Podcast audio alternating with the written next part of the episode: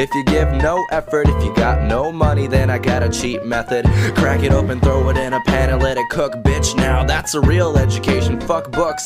If you wanna make it in college, acknowledge all the flavors that be dropping mad knowledge on these pussy ass canned goods. We got chicken and beef to boost the manhood. Anybody want a piece of me? We'll have to get this ramen first. Start with the shrimp and then the fire. If you're fully blazed, then the shit'll get you higher. 35 cents a pack, 3 for a dollar. Unbelievable pricing. That's the future of a blue collar worker. Dobry wieczór, godzina 19. Będziemy do was dzisiaj freestylować. Mówi do was Asia, cześć. Konrad, cześć. E, dzisiaj będziemy mieć troszeczkę taki bardziej e, nietypowy, słuchajcie, live'ik, ponieważ pomysł, który się narodził, to e, z e, powtórzenie takiej prezentacji, która e, urodziła się półtora roku temu w e, Kielcach e, w domu rodzinnym Aśki i mieliśmy tą prezentację na kieleckich targach fantastyki. E, prezentowaliśmy ją, opowiadaliśmy tam o jedzeniu e, w kontekście e, popkulturowym. E, ale bardzo mało osób zobaczyło tę prezentację. Konwent, jak to konwent, dużo sali, dużo się jednocześnie dzieje e, tematów, e, a dodatkowo nie mieliśmy wtedy streamingu. Więc postanowiliśmy s- sobie dzisiaj odświeżyć ten temat i porozmawiać sobie na jego e, bazie i na jego kanwie e, z wami. Także dzisiaj będzie się produkowała e, bardziej Joanna. E, Ja oczywiście śledzę komentarze. Od razu się witam serdecznie ze wszystkimi, którzy do nas dołączyli. Normalnie słuchajcie, mnie ten hip-hop tak e, energetycznie nastroił, że e, za moment będę do was tutaj nawijał. Także witamy Alutkę, witamy Annę, witamy w Cieniu Brzus, witamy Lindę, która specjalnie z Okinawy się do nas łączy i nie śpi po nocach. Witamy Bożenę, Elizabeth, ale... O, e, Diep też jest. Cześć Diep. E, fajnie, że dołączyłaś. Diep jest specjalistką od, od, od, od jedzenia i azjatyckiego w szczególności, więc będzie nas tutaj prostować, słuchajcie. I kogo my tu jeszcze mamy? Mamy, byłem tu Tony Halik, to chyba Aśka napisała. To ja napisałam, cześć.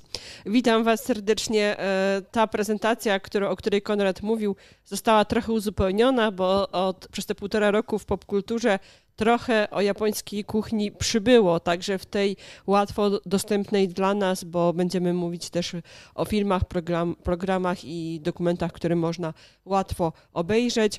Więc jeżeli ktoś e, szuka em, inspiracji, pomysłu na to, co obejrzeć sobie w weekend, to będzie taka specjalna sekcja. A oprócz tego mamy dla Was jeszcze kilka ciekawostek. Em, pokażemy na pewno, jaki ramen najbardziej lubił Naruto. Em, I, I to nie chodzi o Naruto Maki. nie, ale są tam, są tam. Są E, też. ale Jak w połowie ramenów. Ja się w ogóle zastanawiałem przez dłuż- dłuższy czas, e, czy coś Naruto Maki mają wspólnego z Naruto. Mam nadzieję, że się dzisiaj dowiem, bo chyba nie wiem jeszcze. No nie, Nie, będziemy o tym zbier- rozmawiać. To jest zbieżność, słuchajcie, nazw, więc chyba nie. E, a mamy też dla Was tak, e, taki challenge i, i niespodziankę. Będziemy mówić też o Pokémonach w e, kontekście żywnościowym. E, I ciekawy jestem, czy Wy wiecie, e, czym się żywią Pokémony i czy można zrobić kiełbasę z Pokémona. No dobra, to słuchajcie, e, startujemy. Będzie- jeszcze, Mhm. ja jeszcze mam jeden temat. Zanim zaczniemy, słuchajcie, e, tutaj po mojej stronie lewej znajduje się licznik, którego słabo widać, bo jest w, tle, ale tutaj go widać troszeczkę lepiej. E, to jest, słuchajcie, licznik naszych subskrypcji na YouTube. E, I dzisiaj już pisałem na wydarzeniu facebookowym odnośnie tego live'a, bo no, nie da się ukryć, że jesteście tutaj e, głównie e, facebookowo aktywni. E, Na YouTubie mamy cztery osoby w tej chwili e, uczestniczące. Pozdrawiamy wszystkich, którzy są na YouTubie, ale ja zachęcam do tego, żebyście używali YouTube'a i to z kilku względów. E, Po pierwsze, e, troszeczkę lepsza jest jakość streama, e, bo YouTube nadaje w Full HD. Po drugie, a, a Facebook nie, Facebook w 720 tylko. Po drugie, więc nas będzie lepiej widać, wszystkie pryszcze nam będzie widać, słuchajcie. I po drugie, mniejsze jest opóźnienie też, więc jak zadajecie jakieś pytania, to my szybciej te pytania też widzimy. A po trzecie, to jest takie już bardziej selfish i e, samolubne, e, to chcemy dobić do tysiąca. Chcemy, żeby ten zegar tutaj, który jest za moimi plecami, dobił niebawem do tysiąca, bo bo e, przyczyna jest, słuchajcie, prosta. E, YouTube dopiero od tysiąca odpala funkcje społecznościowe, a my chcieliśmy trochę tego YouTube'a poużywać, tak jak Twitterka i też do was tam jakieś fajne e, rzeczy publikować, a bez tego tysiąca niestety nie jesteśmy w stanie tej funkcji odblokować. I co? I ja jeszcze powiem w ogóle, kim my jesteśmy, może, bo e, być może ktoś dołączał e, po raz pierwszy. Cześć Maciej. To ja już Maciej mam... pisze, że dawno nas nie widział. Cześć. Ja już mam tutaj przygotowane, słuchaj, e, początek taki, żeby nas trochę przedstawić. Dobra, to ty nawijaj, a ja ewentualnie będę jeszcze coś e, do, dopowiadał. Ale jeszcze chciałam przy, przywitać szczególnie ciepło naszych moderatorów, którzy walczą e, z przysłowiowymi Hindusami, przys, przysłowiowymi, a nawet rzeczywistymi. E, tak, a Ludka, dzięki. Przemek widzę, że też dołączył. Bartek jest też jest. Ania Mika, tak. Więc jest czteroosobowa, słuchajcie, dzisiaj. I jeszcze Asia powinna być. Asia też deklarowała, Asia Wilk deklarowała, że będzie. Silna Więc ekipa moderatorska. Jest szansa, że tego spamu będzie mniej. E, no dobra, słuchajcie, e, kim my jesteśmy? Dla tych osób, które nas jeszcze nie znają, e, mamy przygotowaną taką krótką prezentację. Może na, ty, nawet nie tyle kota. prezentację, tak. Przede wszystkim chcieliśmy powiedzieć, że mamy kota, kota na punkcie podróży, kota na punkcie azjatyckiego jedzenia, kota na punkcie kotów. E, kota na punkcie japońskiej popkultury też, e, a nawet tej e, klasycznej także, więc ta Japonia głęboko w nas siedzi. I słuchajcie, zaczęło się wszystko od tego, że zaczęliśmy opisywać nasze przygody. Jedną z pierwszych tak naprawdę podróży do Azji tej Azji nie, nierosyjskiej opisywaliśmy właśnie na blogu, kiedy pojechaliśmy pierwszy raz do Indii. E, I ten blog nazywa się Byłem tu Tony Halik, skrót do E, to od tej frazy btth.pl, więc jakby ktoś się zastanawiał, skąd się wzięło nasze, e, nasz adres, co on oznacza, to właśnie to jest skrót od tego hasła. Byłem tu Tony Halik. To jest takie dla nas hasło kultowe. Z dzieciństwa, ze wczesnej młodości e, widywaliśmy je wyryte w różnych miejscach, na ławkach, na drzewach, wypisane na murach i tak dalej. No i tak się złożyło, że ponieważ pan Halik i pani Dzikowska byli dla nas zawsze takimi wzorami, ponieważ dzięki nim oglądaliśmy trochę świata przez, y, przez ekran, no to postanowiliśmy trochę w hołdzie tak nazwać nasz blog. No i właśnie no potem... nie było jeszcze wtedy MTV, no tak, co tu powiedzieć. było. Ja łapałam przez satelitę Astra. A na MTV nie było za dużo o podróżach. Nie było, to prawda. To tam chyba tylko BBC i Badhead trochę podróżowali czasami. E, no i właśnie tak powstał nasz blog. E, I e, wiadomo, że zaczęło się to wszystko rozwijać. Coraz więcej mieliśmy do, do bloga, dołączył podcast. E, podcast już nakierowany bezpośrednio na Japonię jego adres to ojaponii.pl, ale tam znajdziecie przekierowanie na serwis Spreaker. On jest e, bezpłatny, bez, bez logowania można odsłuchiwać nasze audycje audio, ale też na Spotify'u, tak jak e, przed chwilą pokazałam, na, na różnych innych platformach um, można nas no, wysłuchiwać. Ja tak sobie policzyłem to wszystko, słuchajcie, bo e, pisałem w newsletterze te wszystkie linki. Jak ktoś subskrybuje, to, to wie. Mm, nie, to miało się pojawić. To miało być. O, to.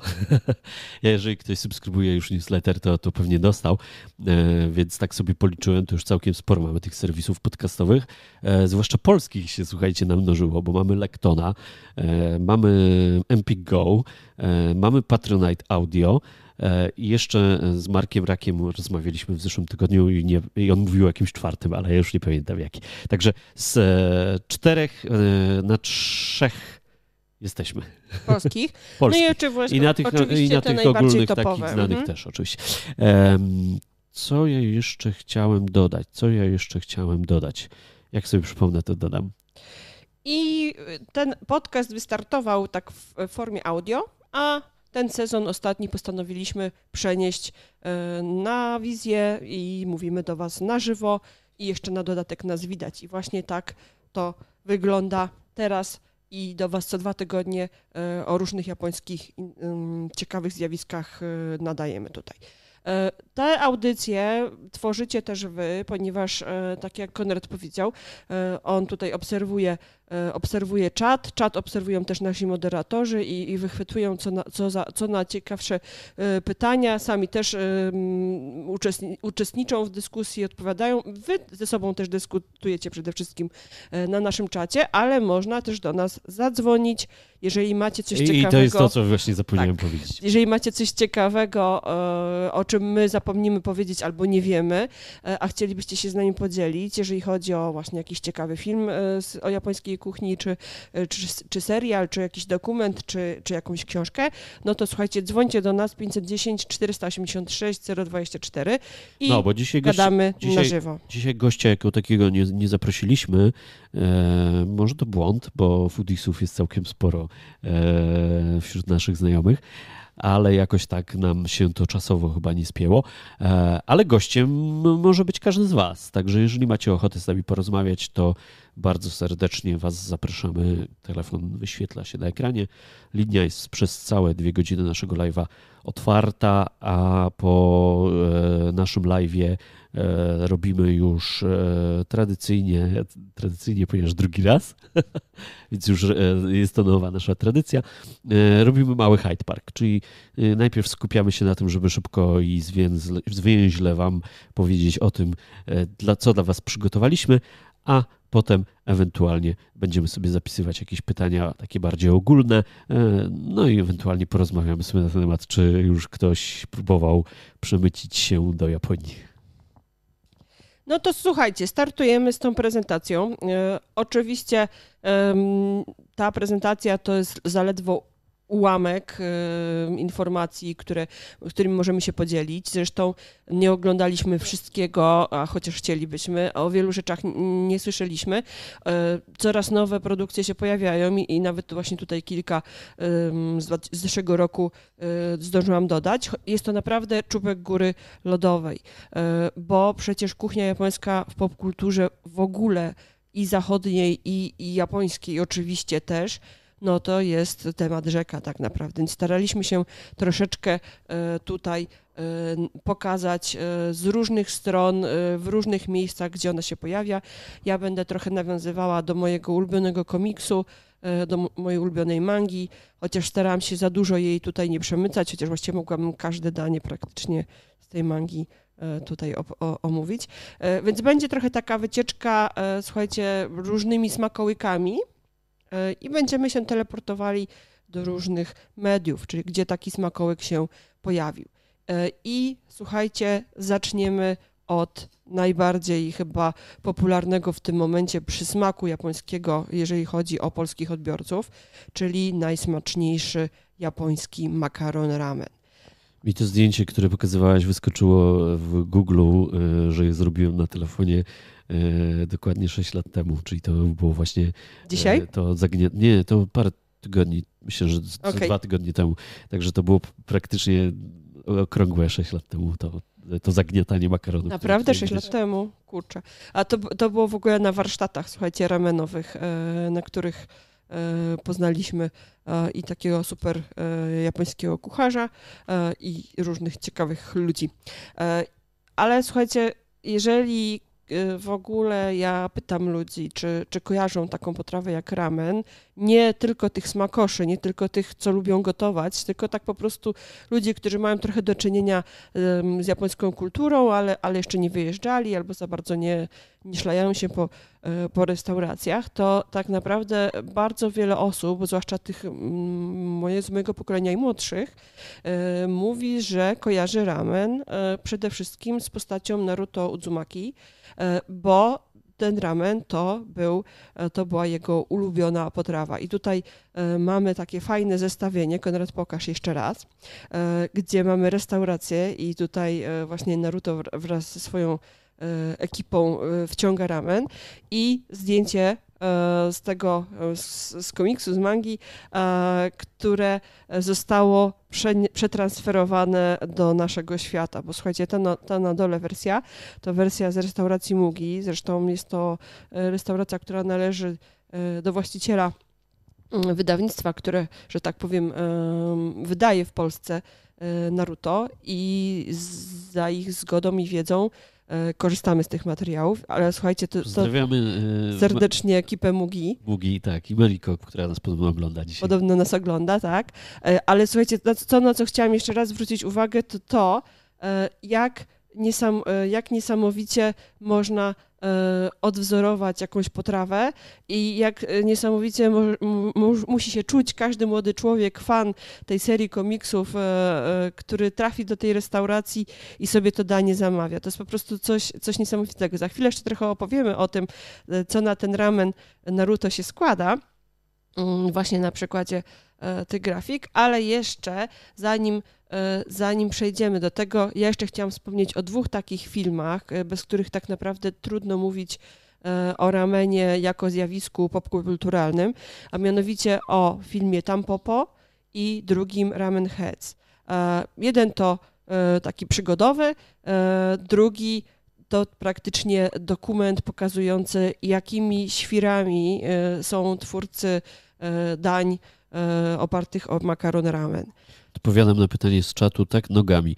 A Ludka się pyta, czy nogami zagniatałaś? No, tak, nogami, nogami. Tak, ugniatałam e, piętami dokładnie.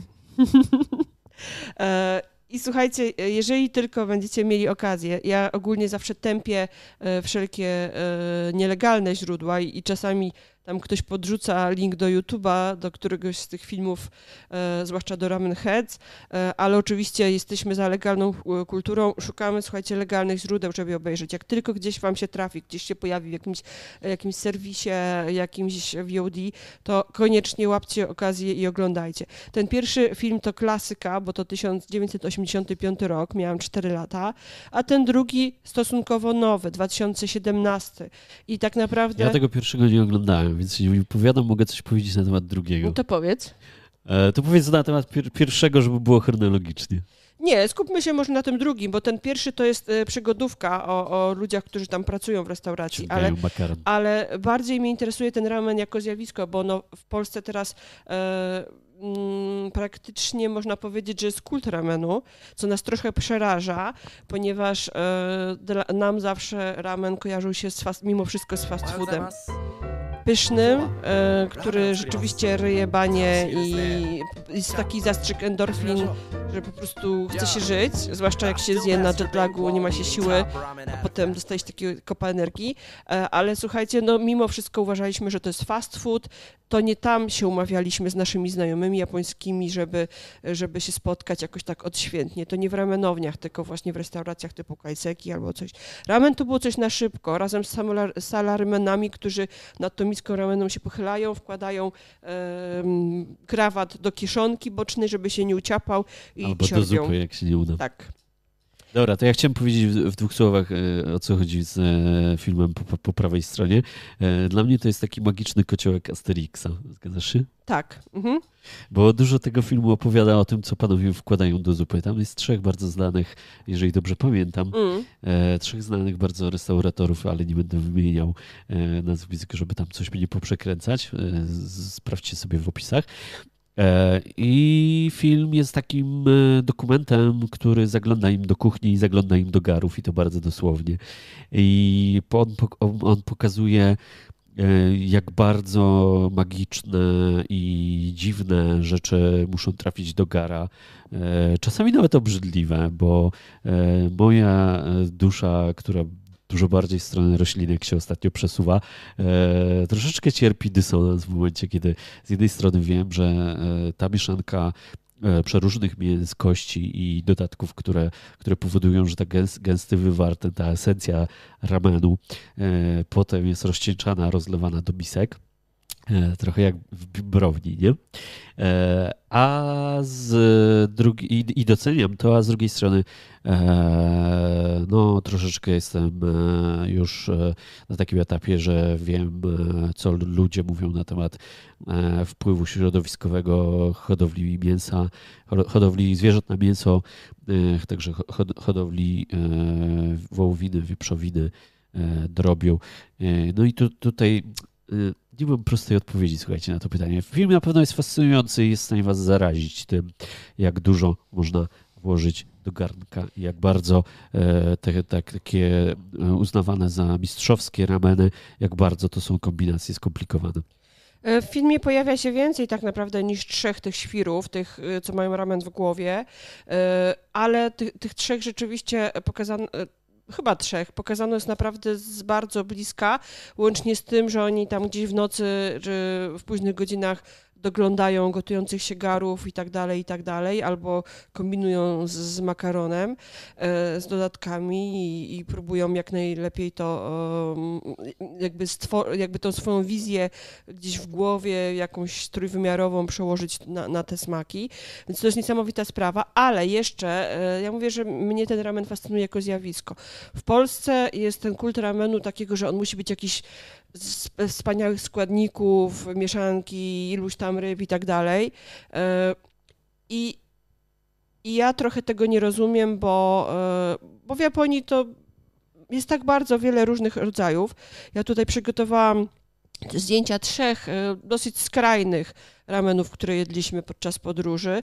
E, ten w mm, prawym górnym rogu, no to jest miso ramen sumire, mój absolutny e, ukochany ramen, najlepszy chyba dla mnie, który jadłam w życiu. Po drugiej stronie mamy wonton ramen, czyli ramen taki klarowny z pierożkami który u nas się nazywa wonton, a oni tam mówią wonton. I na, na dole mamy ramen E, na którym leży kilka plastrów wołowiny Kobe i e, dostajemy w oddzielnym, w oddzielnym czajniczku gorący ramen, którym e, gorący wywar, przepraszam, którym zalewamy ten ramen i to mięso i to mięso szybciuteńko tak dochodzi, czyli trochę jak w wietnamskiej kuchni na przykład niektórzy serwują fos parzoną wołowiną. I, i tak naprawdę... Smaczne to jest jak cholera, tylko trochę nieetyczne. I tak naprawdę tych ramenów jest tak wiele rodzajów i bardzo trudno jest powiedzieć, że e, takie tonkotsu to jest to, jak to teraz jest takie modne słowo prawilne, nie? E, e, że takie, a nie inne.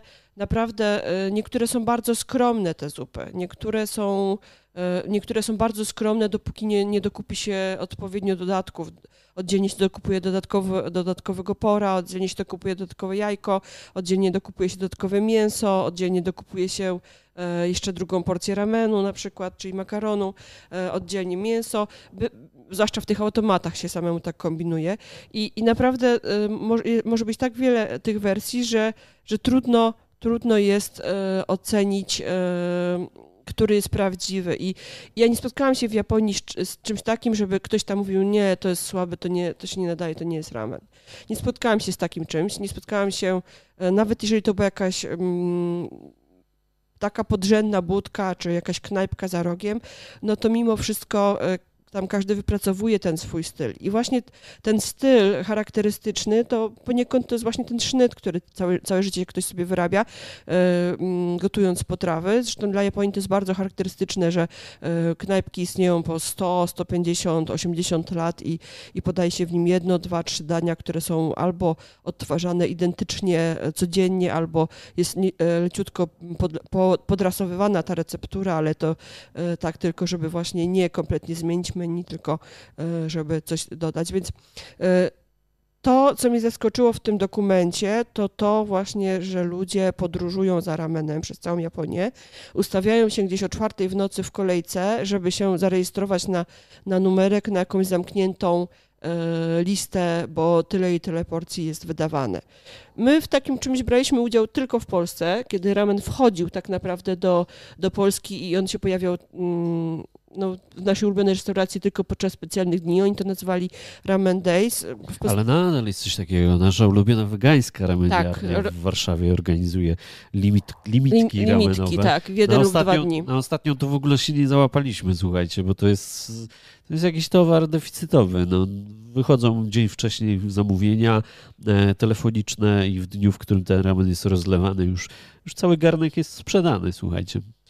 No ale powiedzmy, że jest jakiś taki kanon e, tworzenia e, zupy z makaronem ramen, e, który właśnie powielany jest często w popkulturze i wracając do tego... Muszą być te narutomaki właśnie. Tak, wracając do tego, te, tego zdjęcia z Mugi i, i zdjęcia z z Naruto, to możemy sobie wymienić takie kilka właśnie typowych składników. Bardzo często właśnie pojawiają się suche płatki wodorosta nori.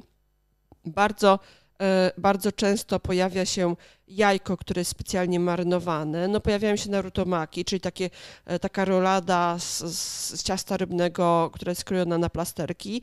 E, te paseczki to menma, czyli marynowane pędy bambusa, negi, czyli por, ciasiu, czyli boczek, taki najlepiej właśnie rolowany i, zapiekany. E, no i potem już może się pojawić cała gama wszelkich innych dodatków, bo jedliśmy naprawdę z różnymi dziwnymi rzeczami, e, nie wiem, z grzybkami mun, ja akurat za grzybkami mun nie przepadam w ramenie, e, albo na przykład z marynowanym z listkami siso, imbirem, czyli benisioga, więc naprawdę przeróżne są dodatki i, i, i tak jak mówię w Japonii bardzo często można je sobie po prostu wybrać albo z czegoś zrezygnować. E, są te automaty, są też restauracje, w których dostaje się formularz, jeszcze czekając przed wejściem w kolejce, dostaje się formularz, gdzie się zaznacza, co by się chciało, jak, jak długo, czy jakiej twardości makaron, czy, czy taki al dente, czy, czy pół, czy, czy miękki. Naprawdę cała masa tych składników może się tam pojawić. E, My bardzo serdecznie przepraszamy wszystkich, którzy są na diecie albo e, jeszcze dzisiaj nie, nie, jedli obiadu, albo jedli go na przykład o 13, ale lojalnie ostrzegaliśmy, ja jeszcze w newsletterze, gdzie, który rozsyłałem, także Przemek przykro nam, my mamy w lodówce jeszcze jedną porcję makaronu udon dzisiaj, bo zamówiliśmy, Aśka przewidująco zamówiła dzisiaj trzy porcje. Jedna jest obiadu. do, do obiadu, jedna tak, w naszej ulubionej knajpce japońskiej na, na Ochocie i jeszcze jedna porcja jest do konsumpcji po live. Tak. Ale może już y, przejdźmy do tego aspektu bardziej popkulturalnego, gdzie ten ramen pojawia się, jeżeli chodzi o zachodnie produkcje. No takim chyba najbardziej topowym y, filmem y, to będzie Ramen Girl, Zresztą nawet powstały w Polsce restauracje, prawie że sieć restauracji, no może przesadzam trochę, ale, ale tam były jakieś filie, które się tak, tak nazy- e, knajpy, które tak się nazywały. No polska wersja, słuchajcie, tytułu jest po prostu tragiczna. Miłość o smaku Orientu. Aha, aha. Ktoś, był rapo- ktoś e, lubił rap pewnie. Aha, aha. Orientu, aha, aha, aha. Nie no, słuchajcie, dramat. E, I jeszcze e, zamiast tych pięknych szpilek, które są e, na, na pewnie takiego, nie, czerwone podeszwy, to mogą być od Labutę. Mamy jakąś miskę, kurde, chyba z zupką z Radomia, ale to już inna kwestia. W każdym razie, słuchajcie, film jest fajny, bo pokazuje, jak dziewczyna wciąga się właśnie w tą taką jakby kult miejsc lokalnych, czyli że znajdujemy knajpkę, która, y, która jest zlokalizowana gdzieś tam na, na, naszym osiedlu, koło naszego domu i, i tam jemy praktycznie codziennie. I tam był bardzo fajny motyw w tym filmie, że ludzie, którzy przychodzili zjeść tą miskę kluchów, to e, po zjedzeniu jej e, jakby e, doznawali takiego ukojenia, taki, taki, takiego ugładzenia duszy, że oni wychodzili z tej knajpy tacy rozanieleni po zjedzeniu tego bo mm, w tym filmie było pokazywane, że przez gotowanie można swoje emocje przekazać także tym, tym osobom, które jedzą. I jak, jak jej było smutno e, tej dziewczynie na, na plakacie, jak ona gotowała ten ramen, bo w końcu zaczepiła się tam jako pomoc i, i uczyła się ten ramen, słuchajcie, gotować, no takie było smutno i, i płakałam tym ramenem, to potem wszyscy klienci, pamiętam, płakali. To było, to było fajne. Ja płaczę tylko wtedy, kiedy ra, ramen jest dla mnie za twardy, albo posklejany, albo niedogotowany, a niestety zdarzyło mi się tak parę razy dostać blech. No, to, to jest zawsze o tym rozmawiamy, że e, w Polsce jest, jest, jest mnóstwo knajp, które serwują idealne e, jedzenie japońskie. E, podobnie jak w Japonii, tylko że w Japonii zawsze jest to jedzenie takie samo, a w Polsce to bardzo zależy od tego, czy mrożone na przykład są rzeczy, przyjadą dobre, lepsze, gorsze. No i czasami się lepiej trafia, czasami gorzej, nawet jeżeli chodzi o te nasze takie najbardziej ulubione knajpki. Mm. Słuchajcie, e, nam ten rok ostatnio minął nie wiadomo kiedy, więc jak ja widzę film z 2018, to mi się wydaje, że on był dopiero co. ale jest, no mimo wszystko jest to jeden, jeden z nowszych, tak? 2018 e, film... To jest ten kadr z filmu, który był na okładce tak. tego naszego live'a tak. dzisiejszego. E, film, e, który e, różne ma tytuły, tutaj angielski akurat Ramen Shop, ale, ale różne, różne on, mia, on ma tytuły.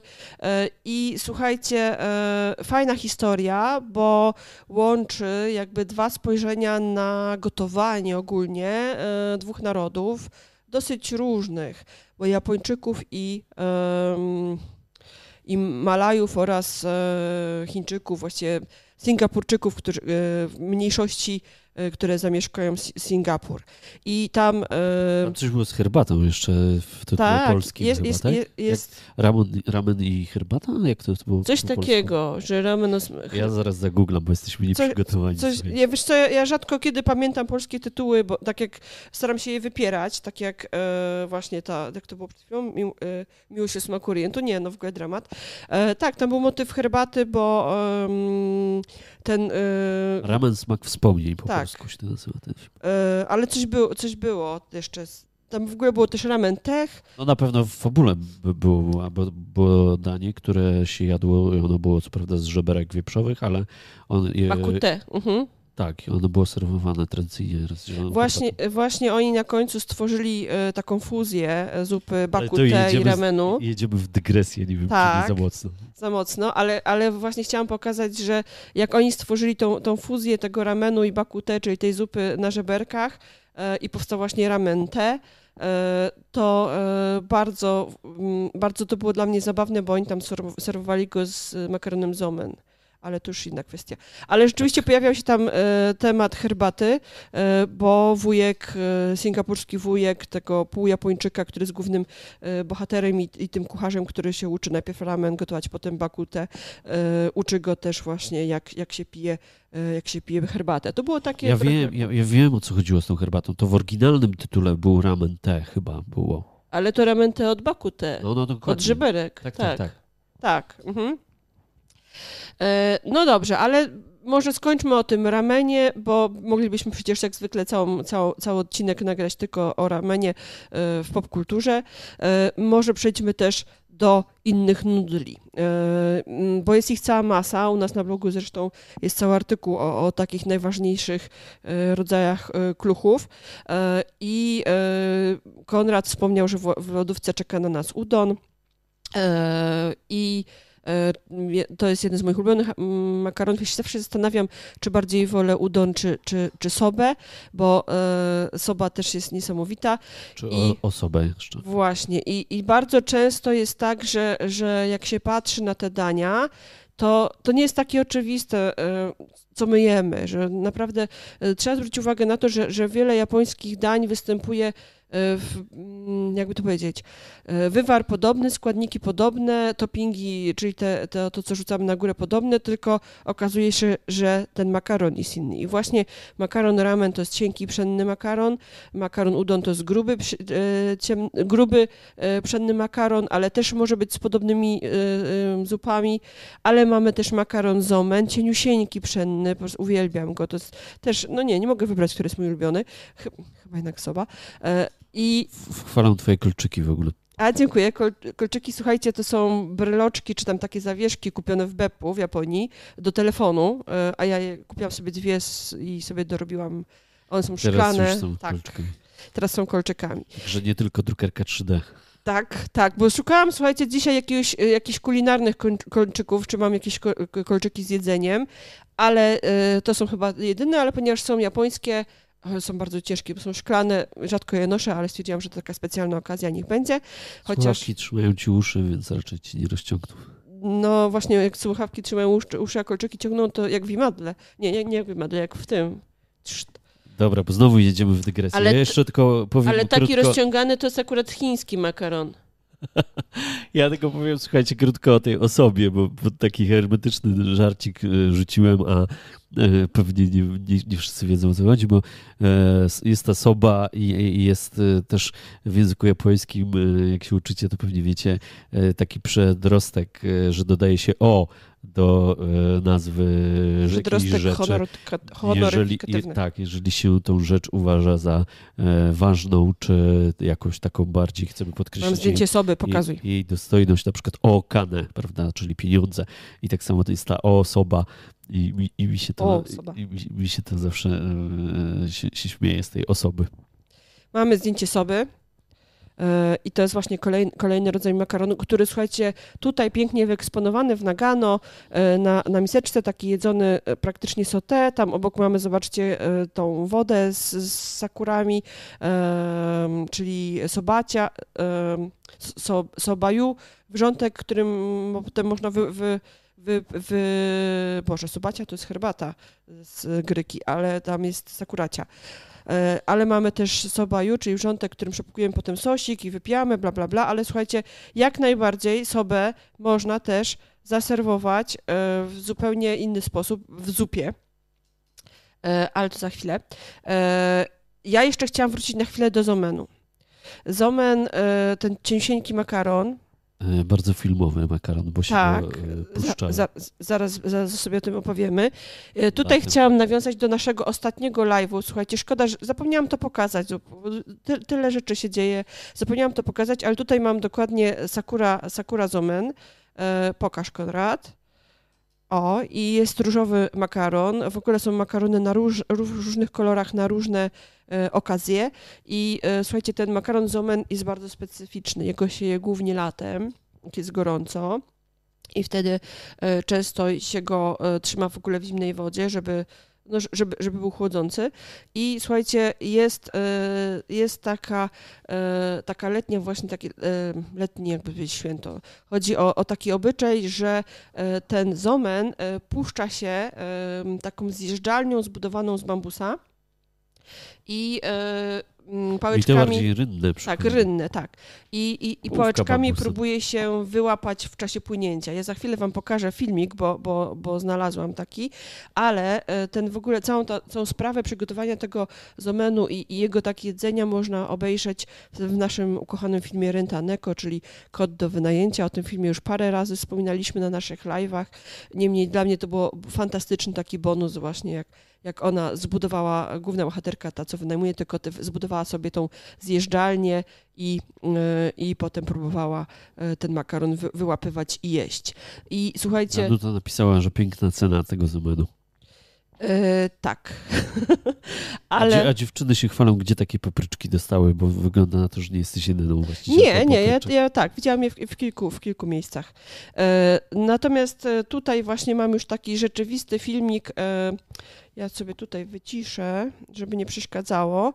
O, yy, i słuchajcie, tu jest na żywo zbudowana taka, taka zjeżdżalnia yy, rynna, w niej leci zimna woda, zobaczcie, szlauch jest podłączony, no i ktoś tam z góry spuszcza ten makaron, a kolejne osoby próbują je złapać.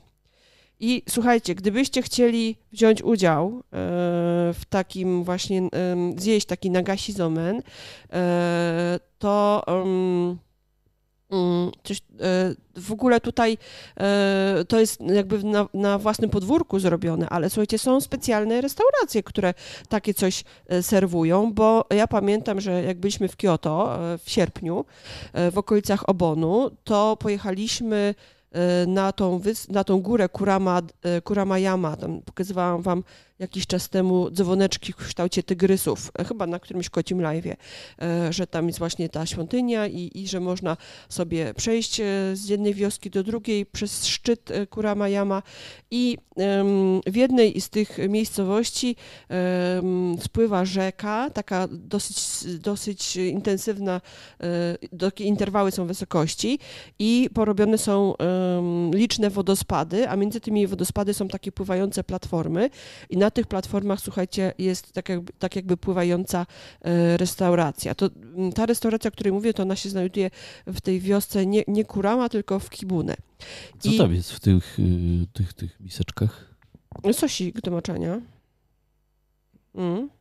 Albo no, może być sosik, a może być, może, można też sobie przełożyć. Chyba sos sojowy taki no, lekki, nie? E, tak, albo sos sojowy z, przemieszany z octem i, i rozwodniony. Albo jeszcze tam jakiś ten suju. Ale e, właśnie tam na tych platformach jest restauracja, gdzie latem można właśnie sobie jeść taki zomen spuszczany przez złapał. Ktoś nie złapał, ale na szczęście sitko było na końcu i nic się nie zmarnuje. No dobra, idziemy dalej.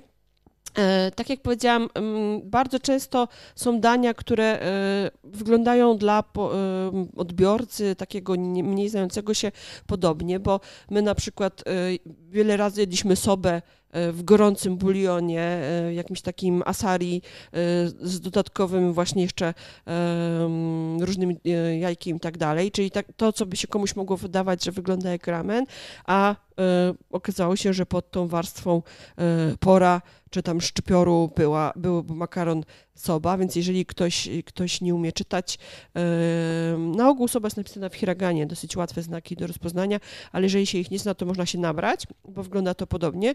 Zresztą ja kiedyś byłam na prelekcji, słuchajcie, yy, gdzie taka yy, podróżniczka yy, po paru dniach pobytu w Japonii była już specjalistką i pokazywała właśnie, jak ona jadła ramen, a pokazywała wielkie zdjęcie i był neon, nie neon, tylko ten szyld, że to była restauracja z sobą, więc naprawdę bardzo, bardzo łatwo się nabrać. Ja mam tutaj, słuchajcie, z czatu e, pisałem gdzieś, że my wszyscy razem to jak encyklopedia. E, Elizabeth napisała, że to jest mencuja, e, ta, to w czym się macza makaron, czyli baza do zupy. Ona się składa z umami i generalnie jest robiona, zaraz wam powiem z czego, z bonito, z dasi. I tsuyu? Benzuju, tak. No. E, czy tam jest sos sojowy? Tego nie wiem. Ale taki, taki lekki wywar. No, tak właśnie powiedziałam, że to może być z. E, w każdym razie e, bardzo często też się zdarza, że te makarony są właśnie tak serwowane sauté albo gdzieś z jakimś jednym, drugim dodatkiem. Często ten dodatek determinuje jego nazwę. Na przykład ja też bardzo lubię sobę z jajkiem, takim właśnie Konrad na początku e, tutaj e, live'u pokazywał takie klipy, gdzie, gdzie było surowe, e, prawie surowe jajo mm, i ono było tak na ryżu, kakegohan, czyli jajko na ryżu, takie jest prawie surowe albo całkowicie surowe, puszczone, to się tam rozbełtuje. Ja, słuchajcie, uwielbiam wszystkie dania, które nazywane są cukimi. Cukimi, czyli cuki księżyc, tak jak bany cukino, księżycowy królik. E, mi, miru, czyli patrzeć, czyli patrzenie na księżyc. Cukimi to jest podziwianie e, pełni księżyca. Czekam, aż mnie przełączysz. A, przepraszam, bo ja się na tym Metsuju jeszcze tutaj zawiesiłem. E, wyświetlam wam właśnie przepis. Sos sojowy, mirin, cukier i KSI. Tak to wygląda. A i Dasi oczywiście. I baza na, na, na Dasi, czyli e, wywarze z bą... Ale w ogóle Tsuyu można kupić w butelkach już gotowe też. Dasi. Tak. Mm. Dobra, przełączam już. E, no i tsukimi ogólnie to znaczy podziwianie księżyca, ale, ale co przez to rozumiemy? Rozumiemy to jako podziwianie przede wszystkim pełni księżyca. A e, z czym się kojarzy Japoń, Japończykom y, jajko z rozbite, rozbite jajko z żółtkiem widocznym? Właśnie im się kojarzy z księżycem. I tutaj, y, słuchajcie, kadr, y, kadr, no, zdjęcie z mojego ulubionego komiksu o jedzeniu, ulubionej mangi, tu mam przygotowane. To jest samotny smakosz, o, wydane w po polsku przez Hanami. E, bardzo fajna książka, wydana tak po japońsku, że okładka jest na ostatniej, e, na spodniej stronie i się, i się ogląda no, od, jakby od końca do początku. E, w każdym razie ta książka moja już się prawie rozpada, bo ja tyle na niej siedziałam i tyle razy ją przeglądałam, uwielbiam. Po prostu można sobie wynotować prawie, że miejsca, w których ten główny bohater je. A kim jest ten główny bohater? Samotny smakosz, no to taki salaryman, który e, rozkoszuje się jedzeniem i, jeździ po Tokio, albo jak ma jakieś sprawy, no to też po całej Japonii i wynajduje sobie jedzenie i je. I słuchajcie, e, właśnie tutaj na tym moim, e, moim kadrze e, jest akurat udon, ale tak naprawdę każdy makaron można przygotować. Ja pokazuję zdjęcie mojej, mojego dania z makaronem soba, z tego co pamiętam. I zobaczcie, wygląda niemal identycznie. Ten, ten makaron soba z sporem, czyli negi z tutaj było bonito i jeszcze to surowe jajko, które ono było surowe, ale od ciepłego zaczęło tężeć. No, niemal identycznie, identycznie to wygląda jak na tym zdjęciu. Na, na, tych, na, w tym komiksie jeszcze jest taka fajna sprawa, że często te dania są opisane, tak jakby wszystkie składniki są opisane. I, i tu jest w komiksie napisane, że szczypiorek biały w stylu kanto, a ja jadłam z negi, sporem, czy było to w stylu kanzai, prawda? Niemniej to jest niesamowite, jak gdzieś pojedzie się do Japonii i po prostu y, znajduje się faktycznie te potrawy, y, które gdzieś się widziało, czy, czy właśnie w mandze, czy, czy w jakimś anime. Ja czasami ten kadr taki szerszy pokazuję, żebyście widzieli, że jeszcze tutaj siedzę, a nie w czasie, kiedy e, Aśka opowiada, już dobieram się do lodówki. E... Jeszcze nie, jeszcze to nie jest ten moment. Mm, myślę, że mieliby niektórzy nam za złe, gdybyśmy o sushi trochę nie powiedzieli dzisiaj, chociaż ja zawsze staram się e, ten ramen i sushi wywalać e, z wszelkich naszych prelekcji o jedzeniu, bo mam wrażenie, że każdy, każdy to zna. E, niemniej chciałabym mimo wszystko wrócić do nieistniejącego już targu Tsukiji, czyli no, to jest, to jest e, zdecydowanie element popkultury, bo swego czasu myślę, że rozpropagowaliśmy to miejsce jako jedyne, jedno z takich must-see w e, Tokio, żeby wstać o tej piątej rano, co jest niezłym hardcorem Wstaliśmy o trzeciej dla nawet. większości osób. O piątej już byliśmy na miejscu. Ale jak się ma jetlaga, to można tego jeszcze aktywnego jetlaga wykorzystać na swoją korzyść, słuchajcie. No i to jest zdarzenie już niestety historyczne bo nowy targ jest dużo bardziej sterylny i wszystko się odbywa za szklaną taflą. Tak, nowy targ, targ na Odajbie jest taki, no, nie ma tego, nie ma tego klimatu. E, ja tutaj pokażę teraz dwa, trzy zdjęcia z um, targu um, tego, tego um, w tym wachlarzowym budynku, gdzie jak sobie poszperacie od Tsukiji, on miał taki kształt wachlarza i tam e, zaopatruje się na nim bardzo wie, zaopatrywało się na nim bardzo wiele restauracji. Można sobie było wybrać e, jakieś świeże owoce morza i przede wszystkim świeże ryby. No i oczywiście e, było wygrodzone miejsce, gdzie była też aukcja tuńczyków. Więc popatrzmy może na te, na te smakołyki, kalmary, różne ryby. Tutaj też, o Jezu, Boże, ale mi zjadł. Jest to wspaniałości. No ale przede wszystkim chyba tą największą atrakcją, dla której się wstawało rzeczywiście yy, tak, żeby o piątej, yy, o czwartej nad ranem już, już wchodzić na ten termin, e, te, teren, żeby zobaczyć tą e, to te najciekawsze rzeczy to była aukcja. Ciekawe, co ci taksówkarze sobie, słuchajcie, myśleli, jak wozili tych turystów. No właśnie. E, znam osoby, które specjalnie nocowały e, obok Tsukiji, żeby przyjść na piechotę. My akurat nocowaliśmy My akurat nocowaliśmy e, bardzo daleko. Słuchajcie, nocowaliśmy wtedy u, na kołczu u Hindusów, ale takich wykształconych, czy no, nocowaliśmy u nich, kurde, chyba trzeba było przejechać z 50 minut albo 60 minut metrem, żeby w ogóle dojechać tam. Ale, Ale potem jak chcieliśmy się załapać do restauracji, to chyba już blisko mieszkaliśmy. Tak, tak, to drugi, wtedy specjalnie blisko już. No. Ale, ale za pierwszym razem, ponieważ nie chcieliśmy się spóźnić, no to wzięliśmy po prostu e, taksówkę i przyjechaliśmy e, taksówką na ten, na ten targ i słuchajcie, byliśmy ostatni, którzy weszli, byliśmy naprawdę o trzeciej tam, byliśmy ostatni, którzy weszli na pierwszą turę, za nami szła kolejna e, tura, te tury były łącznie chyba w sumie 60 osób wpuszczali na, na, na te e, na te targi. Ale... Linda, Linda jeszcze ma tutaj e, załącznik do makaronów okinawski, okinawska soba. No, kochamy to. Tak, jest w naszym artykule opisana. To jest jedno z moich najulubieńszych dań i, i strasznie mnie irytuje, jak ktoś mówi, że to jest ramen, bo sami Japończycy, sami Okinawczycy py pytałam się, uważają, że to nie jest ramen, że Okinawa soba to nie jest ramen, to nie jest soba na pewno, bo, bo makaron jest pszenny, a nie gryczany i że to jest zupełnie inny makaron, trzeba go oddzielnie Także soba, soba, ale nie gryczana, tylko przedna.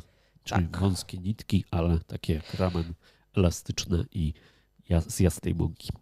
Mm, ale raz jadłam Okinawa soba, który był taki lekko szarawy. To też dla mnie było strasznie dziwne, więc nie wiem, może też jakaś receptura. E, chyba najlepszą so Okinawa sobę jedliśmy na zamami na tej wyspie. Y, ja raz y, w jednej takiej knajpce z takim teraz znajomym my, dziadkiem Koreańczykiem. Te, teraz musimy do tego jakiś popkulturalny wątek dorzucić i będzie na następnej edycji tej, tej prezentacji. E, w sensie okina, jedzenie z Okinawy? Jasne, to, tak. To dlaczego tak? O, o jedzeniu z Okinawy można by zrobić cały odcinek. Tak, zróbmy to. Zróbmy to. Pojedź, Jestem za. Pojedźmy tam yy, i złówmy jakąś rybę i zróbmy ten odcinek. Jadę. Ale wróćmy może do tych tuńczyków. E, dlaczego w ogóle e, mówimy o tym, o tym targu?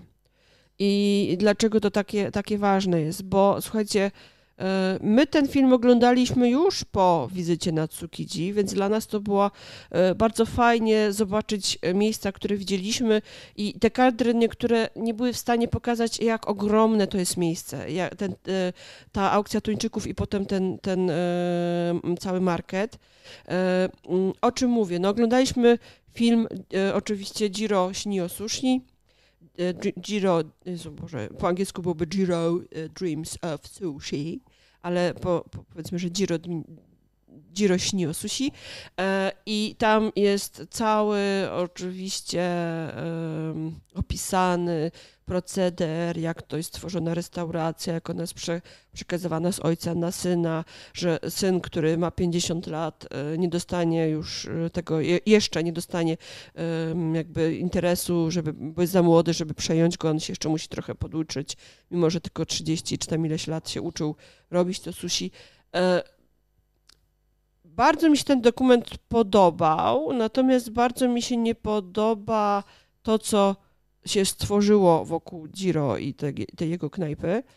E, stworzył się jakiś taki totalny kult. Kult, ale no słuchajcie, no e, muszą być jakieś wzory, ślad. Ja rozumiem, tak, graal, oczywiście. dąży, nawet ale... jeżeli ta osoba to jest osoba, a nie półbóg, no to jest e, jakąś ikoną. Ale, ale słuchaj, czy ty jak jedziesz do jakiegoś kraju, to jad, mm, szukasz restauracji, w których jad, jedzą prezydentowie? Czy szukasz czegoś, co jest fajne i, i nie musi kosztować 6 tysięcy złotych za posiłek? Ja, ja się uchylę od odpowiedzi, bo ostatnim razem, jak jeszcze przed pandemią byliśmy na zagranicznym wyjeździe, to byliśmy w e, jakiejś gwiazdkowej restauracji. Tak, ale nie płaciliśmy dwóch, trzech, czterech tysięcy za posiłek. Słuchajcie, ja mam bardzo mieszane uczucia i zresztą od paru osób mi się e, oberwało, że my to jemy w jakichś tam budach na Tsukiji, e, a nie na przykład nie załatwiamy sobie wizyty u Jiro. E, słuchajcie, sushi w Japonii jest tak dobre, a nasze języki są tak mało wprawne, że myślę, że niewiele, niewielu osób z nas mo może właśnie ci, co robią sushi zawodowo, to mogą um, jakoś tak wyraźnie ro rozróżnić tą, tą jakość Giro od jakości innej też dla nas nie, no, nie, no, nie no można, tylko y, generalnie trzeba zjeść bardzo dużo. Tak, już, już ale, tego dobrego ale e, słuchajcie, sushi, bo jest też takie e, sieciówkowe sushi w Japonii, które jest, e, oczywiście składniki są jakościowo ok, ale powiedzmy, że tam jest mniej tej, mniejsze są porcje ryżu, ryby względem ryżu, i są, czy w ogóle mniejsze są nigiri. Tak, nie, no są, są lepsze i są gorsze, ale, ale, ale, już między dobrą a, a super dobrą, a ultra dobrą, e, powiem szczerze, że mimo, że zjadłam sushi naprawdę parę dziesiąt kilogramów, bo ja w Japonii jem sushi praktycznie codziennie, jak jestem, to wydaje mi się, że nie wiem, czy umiałabym docenić e, kunszt tego posiłku, wiedząc, że on kosztuje parę tysięcy złotych. No po prostu nie mieści mi się to w głowie, natomiast strasznie mnie denerwuje, że są ludzie, którzy się uważają za jakichś specjalistów bo, e, i, i znawców, bo chodzą nie wiem, przyjeżdżają na przykład do Japonii i, i codziennie jedzą tylko i wyłącznie w najdroższych restauracjach i potem, a najważniejsze są zdjęcia na Instagramie.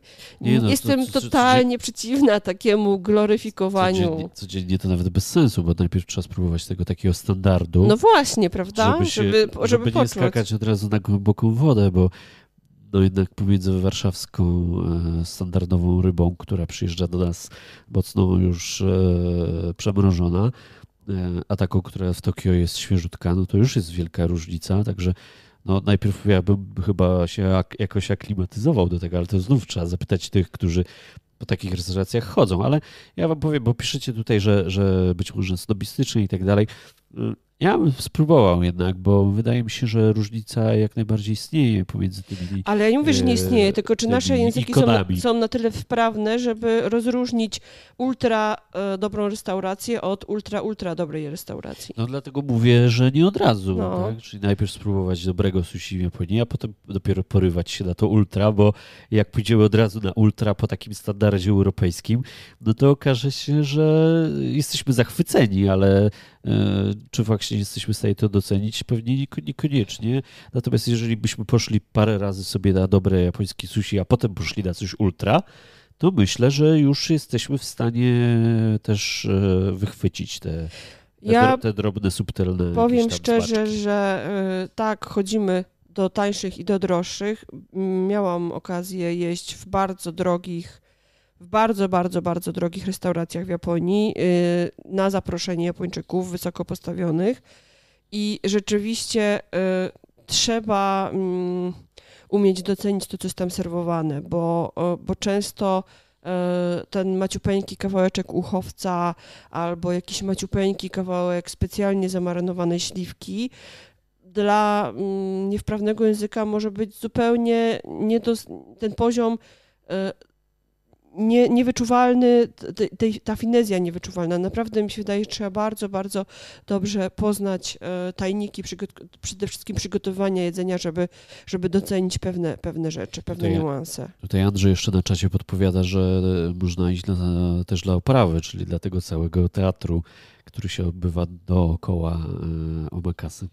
Można, ale, ale można też iść do restauracji, w której zapłacimy 600 zł, a niekoniecznie 3000 albo 6000. No słuchajcie, w ogóle z Giro jest taka dziwna sprawa. Ja parę razy się dowiadywałam, e, nie dla siebie, e, jak tam się do niego dostać. No to rezerwacje na przynajmniej przed pandemią to było na pół roku wcześniej, e, rezerwacje tylko telefonicznie, tylko po japońsku.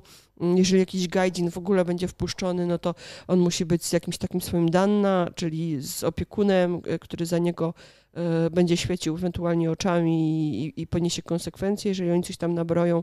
E, ogólnie bardzo ja, ja słyszałem, to nie ja słyszałem, że to bardziej chodzi o tłumacza, żeby po prostu on tego spektaklu nie przegapił, nie znając japońskiego. Też, też, ale znając Japończyków, to też chodzi o to, żeby właśnie, żeby ktoś tylko dlatego, że ma kasę, żeby tam się nie dostał na to o makasę. A co z tym drugim filmem? E, drugi film cudny. Mapa dźwięków Tokio. Dlaczego on się tu znalazł? Bo główna bohaterka czy ona nie była jakąś yy, morderczynią na, na zlecenie? Tak, Chyba no, tak. to był jakiś nua, numerowy e, Pracowała na Tsukiji i przerzucała ryby. Pracowała fizycznie i nie chciała tej pracy zmienić, e, chociaż mogła. E, lubiła się tam męczyć i można zobaczyć, jak, jak wygląda to Tsukiji e, nie tylko od od strony klienta kupującego, ale też od jak wyglądało od strony pracujących. No pewnie akurat jak ta się, część Jak się jeździ się tym śmiesznym Meleksem e, z silnikiem z jedną z kierownicą. Ale to chyba nie jest już Meleks. E, tak, oba filmy są mniej więcej z tego samego czasu. My, e, tak jak powiedziałam, obejrzeliśmy Giro już po, po, po wizycie na Tsukiji, więc mogliśmy się odnieść do tego, że, że, że, dokument jest fajny, aczkolwiek chyba nie, nie było widać skali tego marketu tam mimo wszystko, tak, tak uważam. E, ale oczywiście sushi pojawia się też w moim ukochanym komiksie mm, i to w postaci tego e, sushi tańszego, e, sushi z taśmy, nie omakase, znaczy tak naprawdę powinniśmy mówić sushi omakase, bo samo omakase to może być dowolne, dowolny wybór szefa, może być, nie wiem, omakasę w knajpie z, z kluskami, może być omakasę w knajpie z, ze słodyczami.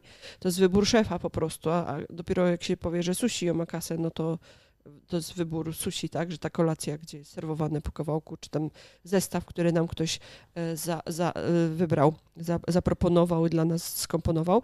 Natomiast e, samotny smakosz trafił do takiej taniej sieciowy Skyten Sushi. Taniej mówię, bo widać, że 130 jenów za za talerzyk, na talerzyku dwa kawałki. Oczywiście sięgnął po, yy, po tuńczyka, no tuńczyk będzie w sam raz na początek wiadomo, najpijakami. I zobaczcie, w prawym górnym rogu można zobaczyć, że nalewa sobie z takiego kranika wsterczącego w ścianie yy, wrzątek do herbaty. Czyli mamy wrzątek na herbatę. Słuchajcie, mam dla was przygotowany krótki filmik z... Yy, Krótka instrukcja, jak wlewać sobie herbatę. Nie, akurat to, to nie jest to. Mam przygotowany filmik sushi, tak, co przyjeżdża na Shinkansenie. Dla mnie to jest w ogóle też szok taki kulturowy, ale to jest właśnie popularna kultura w Japonii, że e, standardem jest woda w restauracjach, a w restauracjach sushi jeszcze gorąca woda właśnie, że można było sobie tam tą herbatkę zieloną za Tak, jest, jest macia e, w pojemniczkach, nasypuje się e, łyżeczką odrobinę, zalewa wrzątką wrzątkiem z kranu, a teraz sobie zobaczmy, jak wygląda to takie słynne sushi z Shinkansena. Przyjeżdża Shinkansen, ju! My sushi na Shinkansenach jedliśmy w Bepu, tam gdzie kolczyki. No. No i przyjeżdża. Zamawia, e, na ogół w tych restauracjach zamawia się na tablecie. Teraz na szczęście te e, już te jakby zamówienia można nawet po angielsku składać, e, bo często te tablety mają oprogramowanie, które tam przyłącza kelner i na angielski, więc nie ma problemu. Zamawiamy sobie jakieś sushi, E, albo sashimi, albo jakiś e, deser, bo, bo też się pojawiają mm, inne też dania w tych restauracjach. No i potem on, e, to nasze zamówienie przyjeżdża do naszego stolika. Ja osobiście wolę te bardziej retro restauracje Kaiten Zushi mm, z taśmą taką jeżdżącą po całym, krążącą po, po, po całej restauracji. A jeżeli mówimy o tym tuńczyku, o, o którym zaczął samotny smakosz, to E, ja bym tutaj jeszcze szybko rzuciła takie przypomnienie. To są naprawdę bardzo, bardzo, bardzo, bardzo podstawy, ale mm, powiedzieć tuńczyk to tak naprawdę trudno. E, tru, trudno, trudno zamówić, jeżeli się chce tuńczyka, no bo e, ten cały pan, który przygotowuje dla nas to jedzenie, miałby ochotę dowiedzieć się, o który kawałek ryby chodzi. I tutaj mam taki przygotowaną taką mini, mini ściągawkę z mojej ulubionej restauracji typu Kaiten Zushi. Y, Ganzo y, w Aksakusie. Też wiele... A to jest przykład tej takiej dobrej sieciówki, tak. nie? bo to jest sieciowa. Zdaje się, że zauważyliśmy, że jest w kilku lokalizacjach. Tak, nawet na lotniskach jest. I e, ceny są właśnie takie, że od 100, tam 30 chyba, oj, to było dawno temu, może już wzrosły, e, ale jak my jeszcze byliśmy tam pierwszy raz, to właśnie koło 100 za, za taki najtańszy talerzyk można było zapłacić. No oczywiście tuńczyk już kosztował tam pewnie 600-700 za, za tak, talerz, tak, już troszeczkę mhm. drożej. Także taka, można powiedzieć, średnia półka, ale smakowo i jeżeli chodzi o wielkość tych porcji, to też zobaczcie, że to jest to nie, to nie jest standard e, europejski. Tak, i mamy tutaj, e, zobaczcie, o, o toro, czyli um, tłuste e, mięso tak z okolic brzuszka, chociaż jeżeli chodzi o Japończyków, to oni też jeszcze, jeszcze tą tłuściejszą część rozróżniają jako sunadzuri, ale to o toro to słuchajcie, jest takie leciusieńko różowe, bo ono jest mocno poprzerastane tłuszczem. E, ten tuńczyk, którego my na ogół kojarzymy, e, taki jaki się uda czasami kupić albo w polskich restauracjach, to będzie ten naj, najciemniejsze mięso, czyli akami. Akami to ogólnie znaczy czerwone. E, I zobaczcie na tej mapce, którą tu zrobiłam, takiej rozpisce, to jest mięsko z góry, z grzbietu rybki. Ja osobiście najbardziej lubię ciutoro.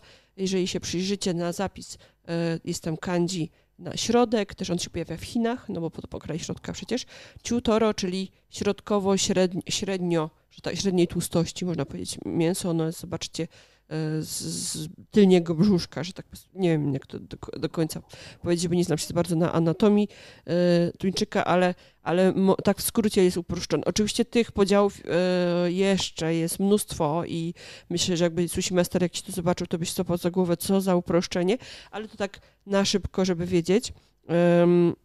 Oczywiście. To jeszcze w e, czacie Andrzej nam e, doopowiada, że to jest wszystko klasyfikacja Bluefina, tak. a że są oczywiście jeszcze inne tuńczyki. I na Okinawie są inne. E, tak, jest Yellowfin, zdaje się, E, tutaj Andrzej wspomina też o mm i mówi, że o Toro to raczej w Polsce nie, nie da rady, ale... Da e, radę, jedliśmy. Jedliśmy chyba ze trzy, trzy razy w życiu jedliśmy o Toro, albo Tak, cztery. ostatnio widziałem, że ktoś sprzedawał kawałki do samodzielnego e, pokrojenia w Warszawie chyba nawet.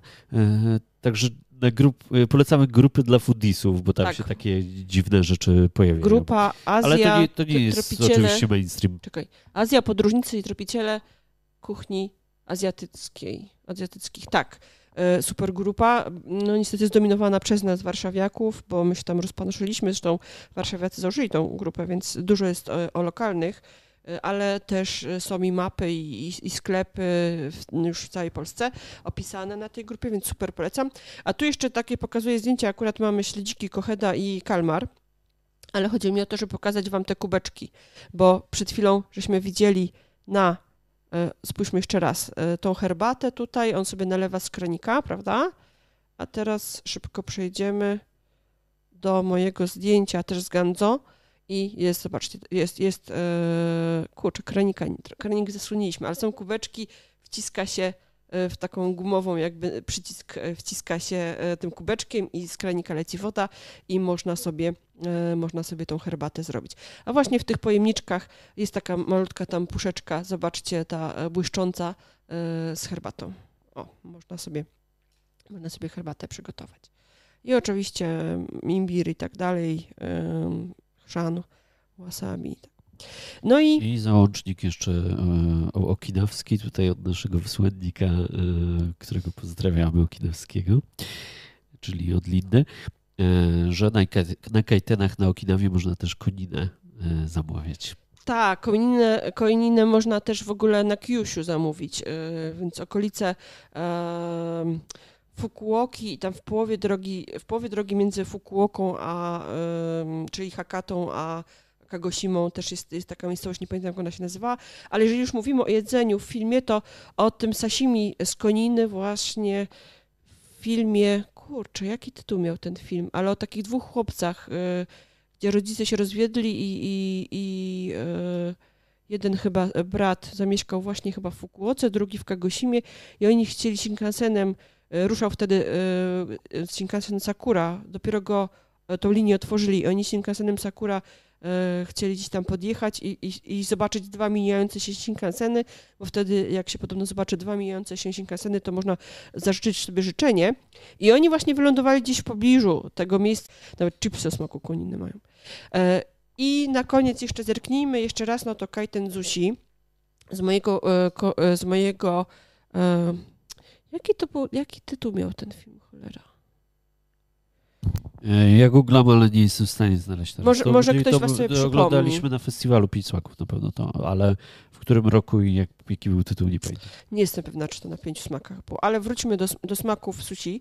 E, Konrad, podrzuć mój, mój pulpit jeszcze raz, e, mój, moją prezentację. To jest jeszcze, słuchajcie, rysunek na widok ogólny z tej restauracji, w której był nasz mangowy bohater. I teraz uwaga, zdjęcie z mojej knajpy z Asaksy. E, w Asaksie bardzo, bardzo podobny klimat. Nawet jeszcze raz sobie tu mignę. Zobaczcie, stosy talerzyków są, są. Stosy talerzyków są. E, rozstawione jeżdżące talerzyki są na taśmie, jest taśma. E, no tu nie, ludzie zasłaniają akurat te kraniki, ale wszystko praktycznie jest identycznie tak samo, jakby po prostu ktoś narysował tą moją knajpę. Uwielbiam ten komiks, uwielbiam ten komiks. No dobrze. I y, jeszcze taka krótka informacja dla tych, którzy y, sushi mają mało do czynienia, bo mm, nie zawsze można się tego dowiedzieć w Polsce w restauracjach, y, że sashimi to nie jest sushi Sashimi to jest według Japończyków oddzielna potrawa. To są po prostu kawałki ryby i tu znowu tu mamy zestaw cudny z ciutoro, otoro i jakami przemieszane. Ten zestaw to chyba z 800 jenów kosztował. Tak, Aśka opowiadała przed chwilą, że e, bardzo podobno jej knajpie byliśmy e, Kaiten Zushi, co w książce e, była ilustracja. E, być może tego nie widzieliście, bo chwilowo nam internet e, chrupnął. E, jeszcze raz? I tym razem to była ewidentnie wina internetu, bo mi też się tutaj na czerwono zaświeciło w statystykach. Tak, więc pokaż jeszcze raz. To jeszcze raz pokazuję. Wnętrze restauracji typu Kaiten Sushi, czyli tej zjeżdżącym pasem z sushi na taśmie. Ewentualnie też są takie warianty z sushi na łódkach, ale takiego w Japonii nigdy nie widziałam. W Polsce tylko widziałam takie chyba w, przy przy teatrze była taka knajpa. E, I zobaczcie, są stosy talerzyków. E, na górze, co jest bardzo charakterystyczne, wiszą takie deseczki. Na tych deseczkach wypisane są potrawy to jest taki stary, stary tytuł, boże, stary patent, gdzie tam potrawy z cenami, menu wywieszone. Jeszcze wam potem pokażę takie, takie na żywo, takie zdjęcia. Ale zobaczcie, jest taśma, na niej jeżdżą kawałeczki, na talerzykach są po dwa, no i wnętrze tej restauracji, w której my byliśmy. O, tutaj naprawdę bardzo niedrogie te ceny. Tu można zobaczyć, że 210 jenów, ile to mogło być? Z, o, z 16 zł za te dwa kawałeczki. Taki tutaj też toro jest. Jakiś taki pośredniejszy kawałek z, z, z, no, z tuńczyka. Ale też widzę krewetki. O cuda. No i właśnie tutaj komplet tych trzech smaków, tak żeby jednocześnie móc sobie zamówić trzy, trzech tłustości to mięsko i oczywiście najlepiej od najmniej tłustego zaczynać, potem średnio, potem najbardziej. Jezu, ten, ten najbardziej to się jak śmietanka rozpływa w ustach, po prostu jak masełko, no cudo po prostu. No i listek siso mojej kochanej rośliny. I y, prawie identyczne sashimi, bo to było moje zdjęcie, jeszcze raz pokazuję, moje zdjęcie. I prawie identyczne zdjęcie Zobaczcie, i to też jest listek Siso. E, zdjęcie z filmu, z serialu Netflix, Netflixowego Samurai Garment. Wracamy do popkultury. E, no, Samurai, Samurai Garment to jest trochę koncept podobny do tego um, serialu Samotny Smakosz, e, książki. On jest, on jest cały serial czas, też powstał. Cały czas jest dostępny? Jest dostępny cały czas.